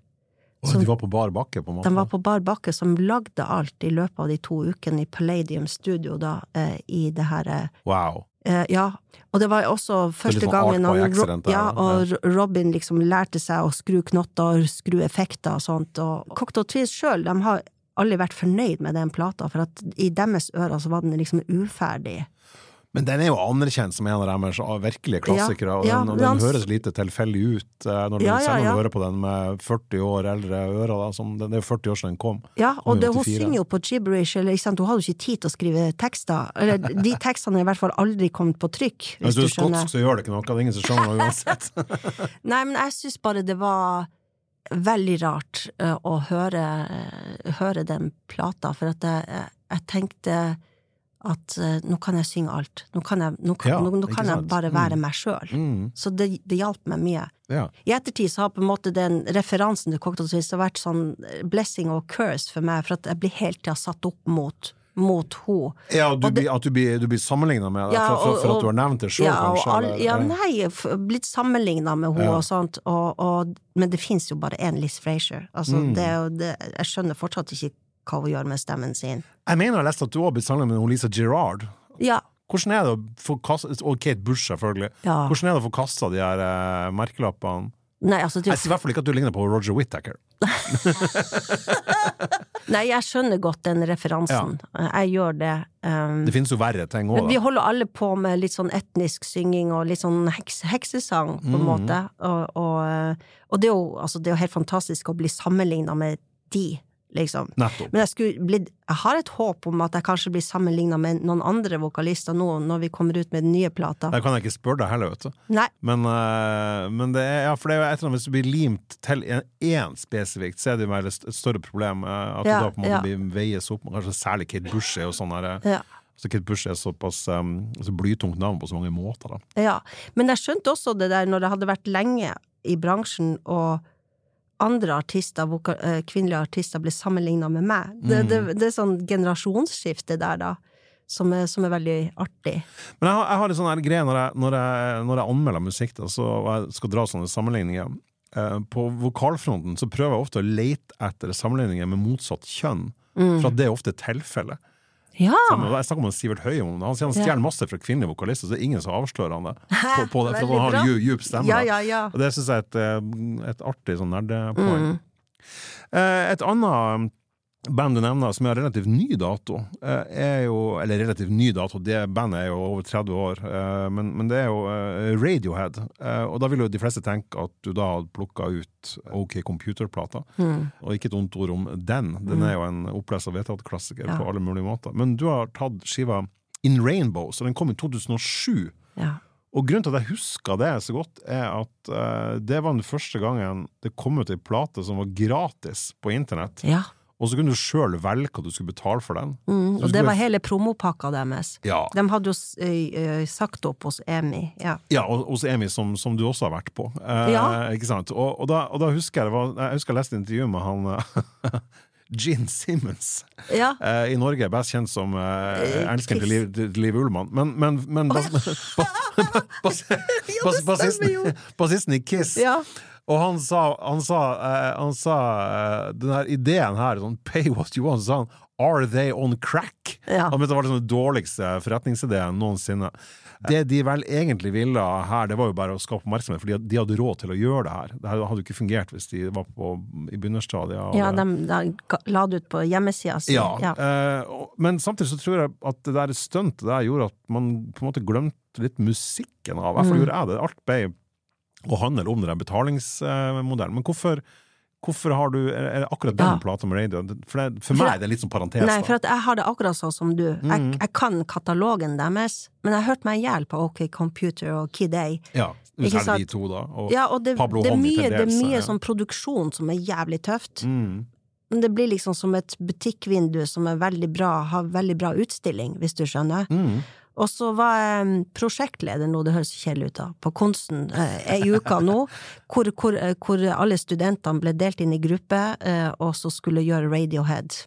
Og da måtte jeg gjøre et dypdykk i Radiohead og plukke ut låter Mm. til, til de fem vokalistene som jeg har. Jeg kaller dem ikke for studenter, jeg kaller dem for vokalister. Ja, men det er kult. Så leter min- du i katalogen, da, rett og Og da måtte jeg jo, og da måtte jeg jo høre på In Rainbows, og Ja. vet du, jeg, jeg bare gråt. Det er jo helt fantastiske låter. Ja. Det er jo et mesterverk. Det er de tekstene hans. Til Tom Eh, York, ja. Ja, altså Ja. House of Cards uh, og All I Need det, og The Weird Fishes og det Helt sinnssykt. Og det var faktisk min sønn som sa det også. Jo, jo, ok, computer er jo bra, men In Rainbows, har du hørt den? Liksom? Ja, det er, altså, når jeg- er så parentesis, da, så er jo det feil, for det er veldig mange holder jo den veldig høyt også. Sant? Den, den er jo ikke noe den er jo ikke Nei da, den- den- absolutt. Men, det, Men- jeg bare føler gikk det, det, forsvant litt i, i, den virakken rundt alt det der betalings... Ja, det greier. gjorde det. Ja. Så den har bare vokst utrolig på meg, Mm. og, og grunnen til at jeg er litt trøtt nå, når vi sitter her og prater, det er for at jeg hørte på den på repeat i hele natt. Og bare lå der, og tårene bare trilla. du kom deg ikke i det er fantastisk Nei, det er sånn House of Cards, og bare Ja. liksom all I need. Jeg vet ikke hva det er. Du sier flere ganger når jeg snakker med deg, og når du har skrevet her, når du skal, når du skal fortelle om noe som har gjort veldig sånn musikalsk inntrykk på deg, så, så sier du hver gang at tårene bare renner. Ja. Eh, så det tydelig at du er veldig musikalsk lettrørt, da. Jo, Jeg sier jeg ikke er det som noe negativt. Jo det, det sånn kan litt, bli det i ja. timer med studenter og sånt, Ja. og bare Hvis de bare drømmer seg helt bort og synger, eller i samspill også, og så må jeg bare ut, og få en klump i halsen. Det er jo veldig søtt, da, syns jeg. Ja, og med en gang studentene står på en scene, Ja. ikke sant, så er de artister. Og de blir Ja. helt starstruck. Det blir helt sånn skjelven når jeg går bort og prater med dem etterpå. Og jeg har bare det, at det er liksom noe hellig. Liksom, det, altså, det, kunst er noe som er opphøyd, det er noe som er større enn oss. Enn oss. Og når du får det, en glimt av den magien, som jeg syns de har mye av på denne plata Jeg tror de har vært gjennom mye sjøl. Men det som, grunnen også til at jeg har uh, valgt uh, In Rainbows da, og Radiohead, det er fordi at de har veldig lik historie som Belcanto. Disse guttene de møttes jo på ungdomsskolen, ja. Mm. Oxfordshire, og alle spilte forskjellige instrumenter, og de to eh, brødrene Colin og eh, Johnny Greenwood, eh, de hadde en storesøster som kjøpte all vinylen, og som, Ja, og som sant, introduserte dem til musikk. Som med deg og storebroren. Ja, Og, ja. så det var Og det her skjedde samtidig. Det her liksom De er født i 69, samme årstall som meg. Mm. Og jeg tenkte ikke på det når Kid A og OK Computer kom ut, for at de, het jo On a Friday, og de ble signet i 87. Så de, men de venta helt til 91, tror jeg, noe sånt, med å Ja. gi ut første plata. Fordi de var, et, de var jo et, til, å begynne med var jo de der, der føler dere gikk litt sånn motsatt vei, for de var, de var jo egentlig veldig konvensjonelle til å begynne med, og så ble de mer og mer De var jo veldig grunge, og de Ja. hørtes ut som både Foo Fighters og The Smiths i begynnelsen. La oss Ja, bare er- være om det- ja, for den, den sånn som Creep-låten som Ja, de andre de hater er- den jo. er jo ikke, det er jo ikke liksom noe de tenker er Det- dem nå. Nei. Nei. Og så den evnen til å helt fornye seg, og det er litt sånn David Bowie-aktig, sant, at du skifter ham. Mm. uh, og så har du liksom Tom York som bare seiler overalt med den der fine falsettstemmen sin, og som ikke er jålete i det hele tatt. Du hører at han er så til stede i formidlinga, i teksten. Men jeg lurer på av og til om Radiohead var Om de fikk litt sånn panikk for hele den der popularitetsgreia, og at de søkte seg bevisst ut av den med å, med å gå enda mer At de, de hadde både råd og anledning til å bli mer artig. Men Nå driver Ja. med Smile-prosjektet, som er på en måte en, enda mer til sides for, for, for det igjen. Ja, ja, ja. Eh, sånn at, at, um, at de kunne på en måte tillate seg å Litt sånn som egentlig sånn Motorpsycho òg kunne ha gjort. Altså de, de, Mm. de hadde òg anledning til å bare gripe tak i den grunge-kortet og kjøre på og sope inn eh, pengene, og, men, men de hadde Herre min, det er jo en plate jeg kunne hatt med meg. The Golden Core. Ja, ikke sant? Shit, da. Det tenkte jeg ikke på. Ja, du har jo faktisk Du, du, du sang jo på en av de beste platene, eller det, det jeg syns er Ja. den beste platen med Motorpsycho. Å, Jeg var så nervøs når jeg var i studio session med dem. Herregud, Timothy's Monster. Skal, Ja, Timothy's Monster. Jeg- jeg- der du er med, ja. Den plata er jo også helt legendarisk. Det er den. Ja. Etter du har sendt meg de her dritlange mailene, så fikk jeg en kort mail fra deg at, du- der du, det var sånn Å, nei, nei, nei, nei, jeg glemte å nevne eh, bandet Low. Ja! Så det synes jeg var artig at du ville trekke frem dem. Så tenkte jeg, det skal du få lov til, siden du sendte en egen mail om dem. Kan du fortelle litt om det bandet her? De er fra Minnesota, tror jeg. ja jeg vet Eh, faktisk Nå, har ikke jeg, nå husker ikke engang hva Nei, jeg var veldig fan av de sjøl. Var du det? Ja, ja, ja. Altså, det her er veldig artig. Det var min bror som introduserte meg til dem Ja. for sånn et par måneder siden. Å oh, ja, bare, du- det er så ferskt, ja. Ja, og, og, og han bare 'Har du hørt de her?' Eh, og han har fått det fra en som heter Jon Strøm, som egentlig var supermentoren her i byen. Ja, Jon Erik Strøm, ja. Yes! ja, ja. Jeg kjøpte noen sjutommere, han. Jeg vet det, så Su- Jon Erik Strøm er liksom ja. helten her i byen da. Ja, veldig, veldig tidlig ute med Han Ja. hadde liksom koll så på det var alt. Jon ja. som da tipsa dem tekster hverandre. De gikk i samme klasse. Ja, ja, ja, De, eh, har Jon tipsa meg om Low, har du hørt den? ja, det gir mening. Ja. Jeg bare sånn, nei, og når Jon liker noe, så er jeg bare sånn, hvem er det? Og jeg og broderen satt eh, liksom en kveld i romjula nå, og da kom, drakk jeg rødvin, og tårene kom. Jeg har aldri hørt noe så bra. Ja, da kom også tårene. Ja. Ja, men Det er jo altså veldig sakralt, og veldig sånn eh, Altså, hun eh, Mimi Parker, Ja, hun, Mimi Parker. frontfyren, hun, hun døde jo i 2022, tror jeg. Hun døde jo altfor alt, alt for tidlig. Men de er jo mest kjent for, egentlig, i Norge, for den derre jule-EP-en sin som heter Christmas, som er jeg tror det er åtte eller ni låter. Verdens fineste juleplate. Å ja, da noe, kan jeg endelig begynne å glede meg til jul Ja, igjen. For at jeg har slitt ut Elvis-juleplata mi. Å, da skulle vi jo snakke om Elvis også, men det kan vi ta en annen gang. Men han tuller så mye på den juleplata. Han gjør seg til i stemmen, og han er liksom ikke seriøs. Nei, men det er jo Elvis. Ja, så ble jeg så bare så flau over at jeg bare ikke har visst om dem. Men er ikke det kult, da? Ja, At det hele tida liksom alltid er noe og, alle sammen var så knust når hun, Mimi Parker døde da. Mm. Så blir det sånn der, hæ? Hvor- Hvorfor har jeg ikke Det hadde vært flaut hvis liksom noen har sagt Ollo, liksom. Jeg bare sånn, hæ? Hvem er det? Sånn skal man ikke bli flau av. Man Mm. skal bli jævlig glad for man oppdager ting. Ja, egentlig, og jeg oppdaga det jo på 80-tallsmåten, via Jon Erik Strøm. Ja, ikke sant? Det det kan ikke bli bedre. Ja, Du, du, har, du har jo gjort helt sinnssykt mye, um, og, og, og med andre altså, Du har jo da gjort masse med Belcanto, du har gjort masse under ditt eget navn. Uh, du har jo vært skuespiller og alt det her som vi kunne ha kommet inn på, men, men du har jo også turnert mye med både Røyksopp og, og a-ha. Uh, og har jo vært egentlig verden rundt. Ja, det har jeg. Eh, og sett og opplevd utrolig mye.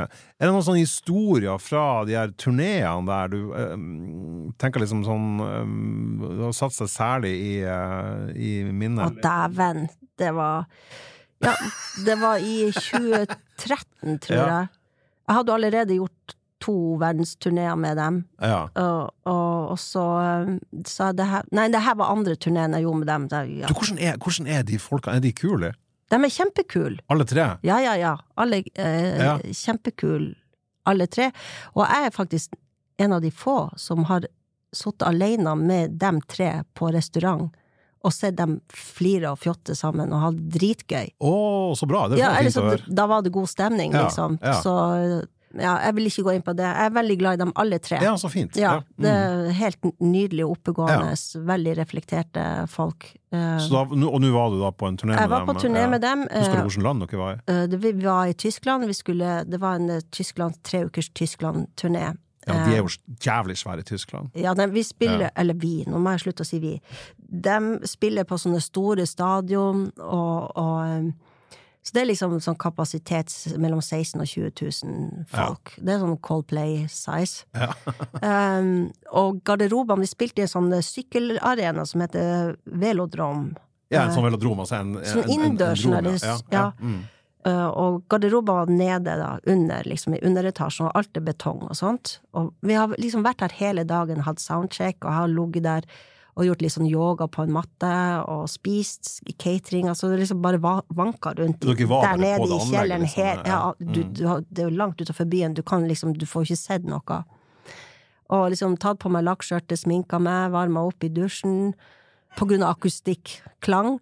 Og så, eh, og så kommer liksom tida når de skal liksom ha group hug. eh, Ikke sant? Og Ja, all- altså gu- gruppeklem på godt Ja. norsk eh, før, de går på scenen. ja, og det er jo den magiske tida, for det husker jeg fra når faderen var fotballtrener for Ja, ja, ja. A-laget, og liksom 'kom igjen, gutta!' Og liksom, jeg ble med guttene ut i stadion. Ja, siste sånn peptalk igjen. Ja, ja, og bare «Wow!» Ja, Det der, ikke sant? Og det er akkurat det samme med Mm. a-ha og røyksopp, ikke sant? Og noen har starta introlåta, ikke sant? Så jubelbruset begynner å komme in ear, ikke sant? Vi har sånne hodetelefoner. Ja, der du får lyden fra publikum inn i Ja. hodetelefonene, til og med. Så du hører, du hører Ja, for at, det er alle mikrofonene som er på scenen, de lekker jo lyden fra sant, salen. ja, ja. Så det, alle liksom må være sånn 'Å, vi må skru ned nå', for at det Det er sikkert sånn tinnitus. Ja, det er sånn. Beatles-tilstander, ikke sant? Og så står vi der nede i kjelleren og gir hverandre klem. Ja, ja, liksom yes, yes, yes, og klapper hverandre på ryggen. Og så er jeg helt sånn full av adrenalin, for det er ikke sånn dramatisk musikk og sånt. Ja, herregud. Og 20 000 mennesker står og venter på Ja, ja, dere. ja. Og så 16 000, men ok, likevel. Men i hvert fall, så jeg skal ikke begynne å synge før på låt eh, nummer fem. Nei, så du blir igjen der i Jeg blir igjen der Ja. nede. Jeg kan liksom ikke stå på sida av scenen, for da blir jeg så nervøs. Og så har jeg liksom de in-earene på meg, så jeg, jeg tar dem av øret for at det er så mye bråk. Og så har jeg en sånn monitorskjerm på, i garderoben. Ja, der du ser hva som skjer på scenen. Jeg ser hva som Ja. skjer, og jeg tror jeg også var litt sånn lav lyd da. Og så er det noe som skjer, og det har jeg lært meg når jeg var idoldommer også. Det er det at hvis det er dårlig oksygen, og hvis man er veldig stressa, så begynner man å gjespe. Å ja, av adrenalin. liksom? Adrenalin. Jeg trodde det funka helt motsatt. Nei. Oh ja, Så det er liksom en sånn Kroppen bare øh. Så jeg begynte å gjespe. Og så bare å gud, så satte jeg meg ned i skinnsofaen, og så før jeg visste ordet av det, så har jeg rett og slett klart å duppe av. Mellom, mellom introlåten og låt fem, der du skulle inn? Jeg bare Det var bare, altså Lysene ble bare slåkt. Jeg bare fatter ikke at det er mulig. Men er, er det noen som da har sett Altså og fra helt sånn yeah! Ja. Sånn, Ja, ja, ja. sånn 100 i turtall til bare vong, shut down. Men er det noen som da, når, når du våkner, er det er det noen som vekker deg? Det er jo ingen igjen der det er nede. ingen, det er bare deg? Alle, alle altså- altså bodyguardsene, alle hands, altså catering, Å, alle sammen er jo oppe. Og alle bare forventer at du skal være der til låt nummer fem? Ja, og velodrom er stort. Det er jævlig stort. Etter det så fikk jeg jo navnet Lost Spice, det skal jo sies. Det som skjedde da, eh, det var det at eh, jeg bare våkner sånn, og dra kjensel på den låta som jeg skal synge på. Bare, Å, fy faen, da har den begynt! Den har Og du er nede i kjelleren? Jeg er nede, og jeg husker ikke helt hvor jeg er. For vi har jo spilt i by etter by etter by etter by, så jeg husker ikke venuen, ingenting. Jeg er jo jo det er jo så helt Tap, kokt. det Ja. Ja. Og så begynner jeg da i full Jeg har jo elendig retningssans. Og jeg har jo bare gått opp til den scenen én gang, og, det, og ned. Det var jo under lydsjekk. Så jeg begynner å springe i sånn høyhælte sko og lakkskjørt, i full panikk, Alene. bortover en lang gang, og så i enden av den lange gangen så ser jeg sånn tysk herremann sa Nei, nei, nicht hier, nicht durch hier! Og så bare vung, så peker han meg tilbake, så jeg må ta sånn U-turn, og så må jeg springe tilbake, og jeg hører jo dem er liksom er de, Og du hører låten? Jeg hører låta, Og her er skal du snart inn nå, Ja. Nå begynner snart bridgen, og jeg skal synge på første refreng. Jeg, bare, jeg har aldri sprunget så fort i mitt liv, og jeg skjønner ikke hvordan jeg fant den der trappa opp til eh, scenen, men jeg finner i hvert fall ut at jeg må opp en etasje, så jeg kommer opp en etasje, kjenner meg ikke igjen, men jeg er på sida av scenen, så jeg springer opp, og så kommer jeg opp på Magnes sin side, han spiller jo Altså på feil side? keys. Ja. Ja. Og, og jeg er helt sånn sykt andpusten og helt vill i blikket. Og liksom busta tå, for jeg har jo sovna. Og, så, og Magne han bare skvett mens han spiller. Ba, ba. Sånn, og så drar jeg opp skjørtet over knærne, og så bare tar jeg sånn svære, svære sånn sjumilssteg over scenen. Jeg tror til og med jeg sprang foran han Pål, og bare røsker til meg mikrofonen, og så, og så rekker jeg Og kommer akkurat du på time, liksom? Ja. Herregud. Hvor, hvor jævlig, og hvor, eh, hvor Altså, jeg er veldig glad for det ble happy ending på det her, men, Ja. men fy faen! det, altså, og det er jo ingen som den dag i dag tror at jeg faktisk sovna. Altså, de tror at jeg bare glemte meg bort og et eller annet. Og da var det så tidlig at eh, så nå kunne man jo ha glemt seg bort og sett på mobiltelefon eller noe sånt, men det var ikke, vi hadde ikke sånn smarttelefoner da. Nei, nei, nei. Å, fy faen. Jeg ble for meg stressa av å høre de på det. skjønner jo ingenting. De har jo sett meg liksom i den der heiagjengen, ikke sant? Ja, så er det jo litt sånn Spinal Tap der med at man ikke finner scener også. For man har, Ja. man har ikke vært i Det det var lokalet faktisk før. det var et mareritt spinal tap. Det var ikke gøy i det hele tatt, for det var så mange lange korridorer der. Og det var Eh. bare han ene vakten der nede, ellers var det ingen andre der. Så den dag i dag, hvis jeg spiller med dem, så, så, så passer Så har Magne noen, en vakt til å passe på meg. ja, Som passer på at du ikke skal sove, og som leter deg Ja, ja, frem ja. til scenen. For at de går jo som regel på scenen før, eller noe Ah, sånt. Så det Men jeg tenker på, hva tenkte de der 16 000 eh, publikummere som ser den de crazy dama liksom bare fung, springer over scenen? The Mad Norwegian med liksom uh, skjørtet på knærne og pulehår. Ja, ja, ja, sånn, ja, ja, ja, ja. Det var bare Å, herregud. Jeg skulle gjerne ha sittet her i mange timer og snakka med dem. Vi må på en måte bevege oss litt mot eh, det som blir en slutt. Men uh, dessverre. Jeg syns det har vært fantastisk artig, Anneli. Ja. Uh, jeg gikk gjennom de, de, de, de tingene du har gjort på sida. Altså som, som Ja. u, uten at det er ditt navn, og uten at det er Belcanto. Det er ganske få norske artister som kommer opp i så mange utgivelser der man er kreditert på Discogs som det du er. Bortsett fra et par sånne studiomusikere, som, altså sånn, type, sånn gitarister eh, Ja. sånn, som er med på helt sjukt mye. Og så så jeg liksom, det var, liksom, det var motorsykkel, som vi snakka om i stad.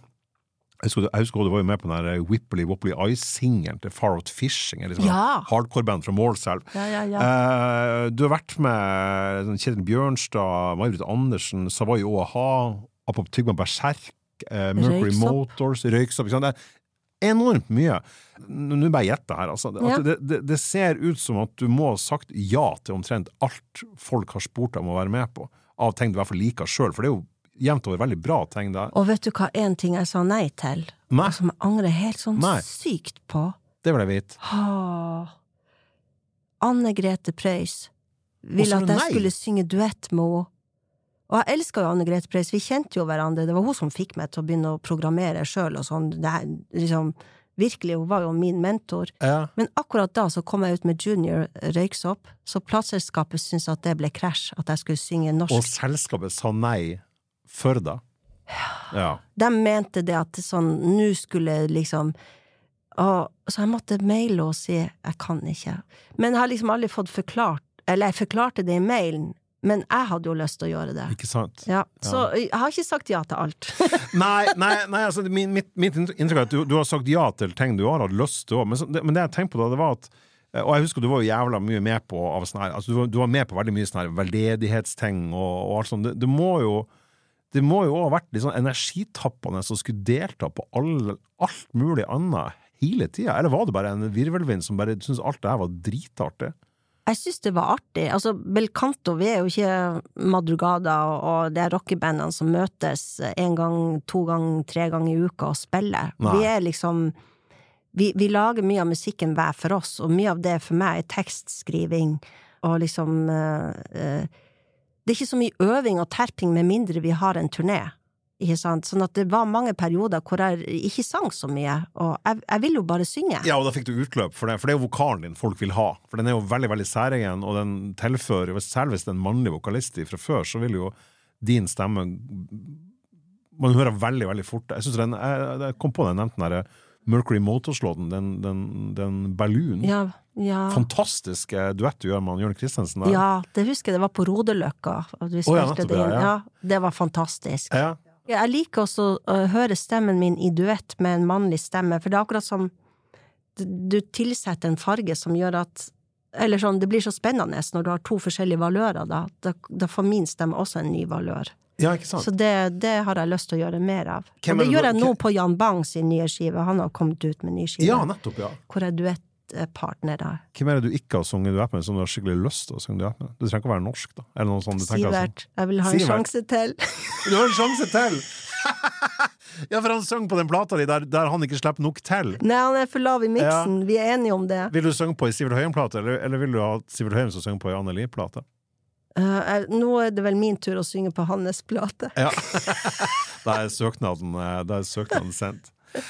Uh, Anneli, dritkult å ha deg som gjest her. Eh, det er fantastisk artig å snakke med folk som brenner så mye for musikk, og som ikke minst får det ut både muntlig og skriftlig. Eh, du burde ha gitt ut memoarene dine. Det ville ha tatt tre dager, fylt 450 000 sider med det skrivetempoet du har.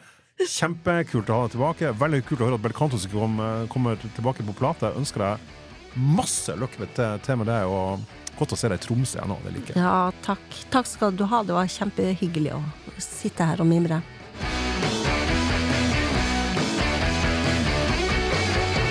Feedback er en podkastserie fra avisa i Tromsø. Produsenten for sendinga var han Svein Lian, og jeg heter Egon Holstad. Husk også at vi lager spilleliste der all musikken som nevnes i sendingene, legges til. Og de finner du på hjemmesiden til Tromsø i feedback-seksjonen der du også finner anmeldelser av plater, anmeldelser av konserter, samt intervjuer, liste og masse annet aktuelt musikkstoff.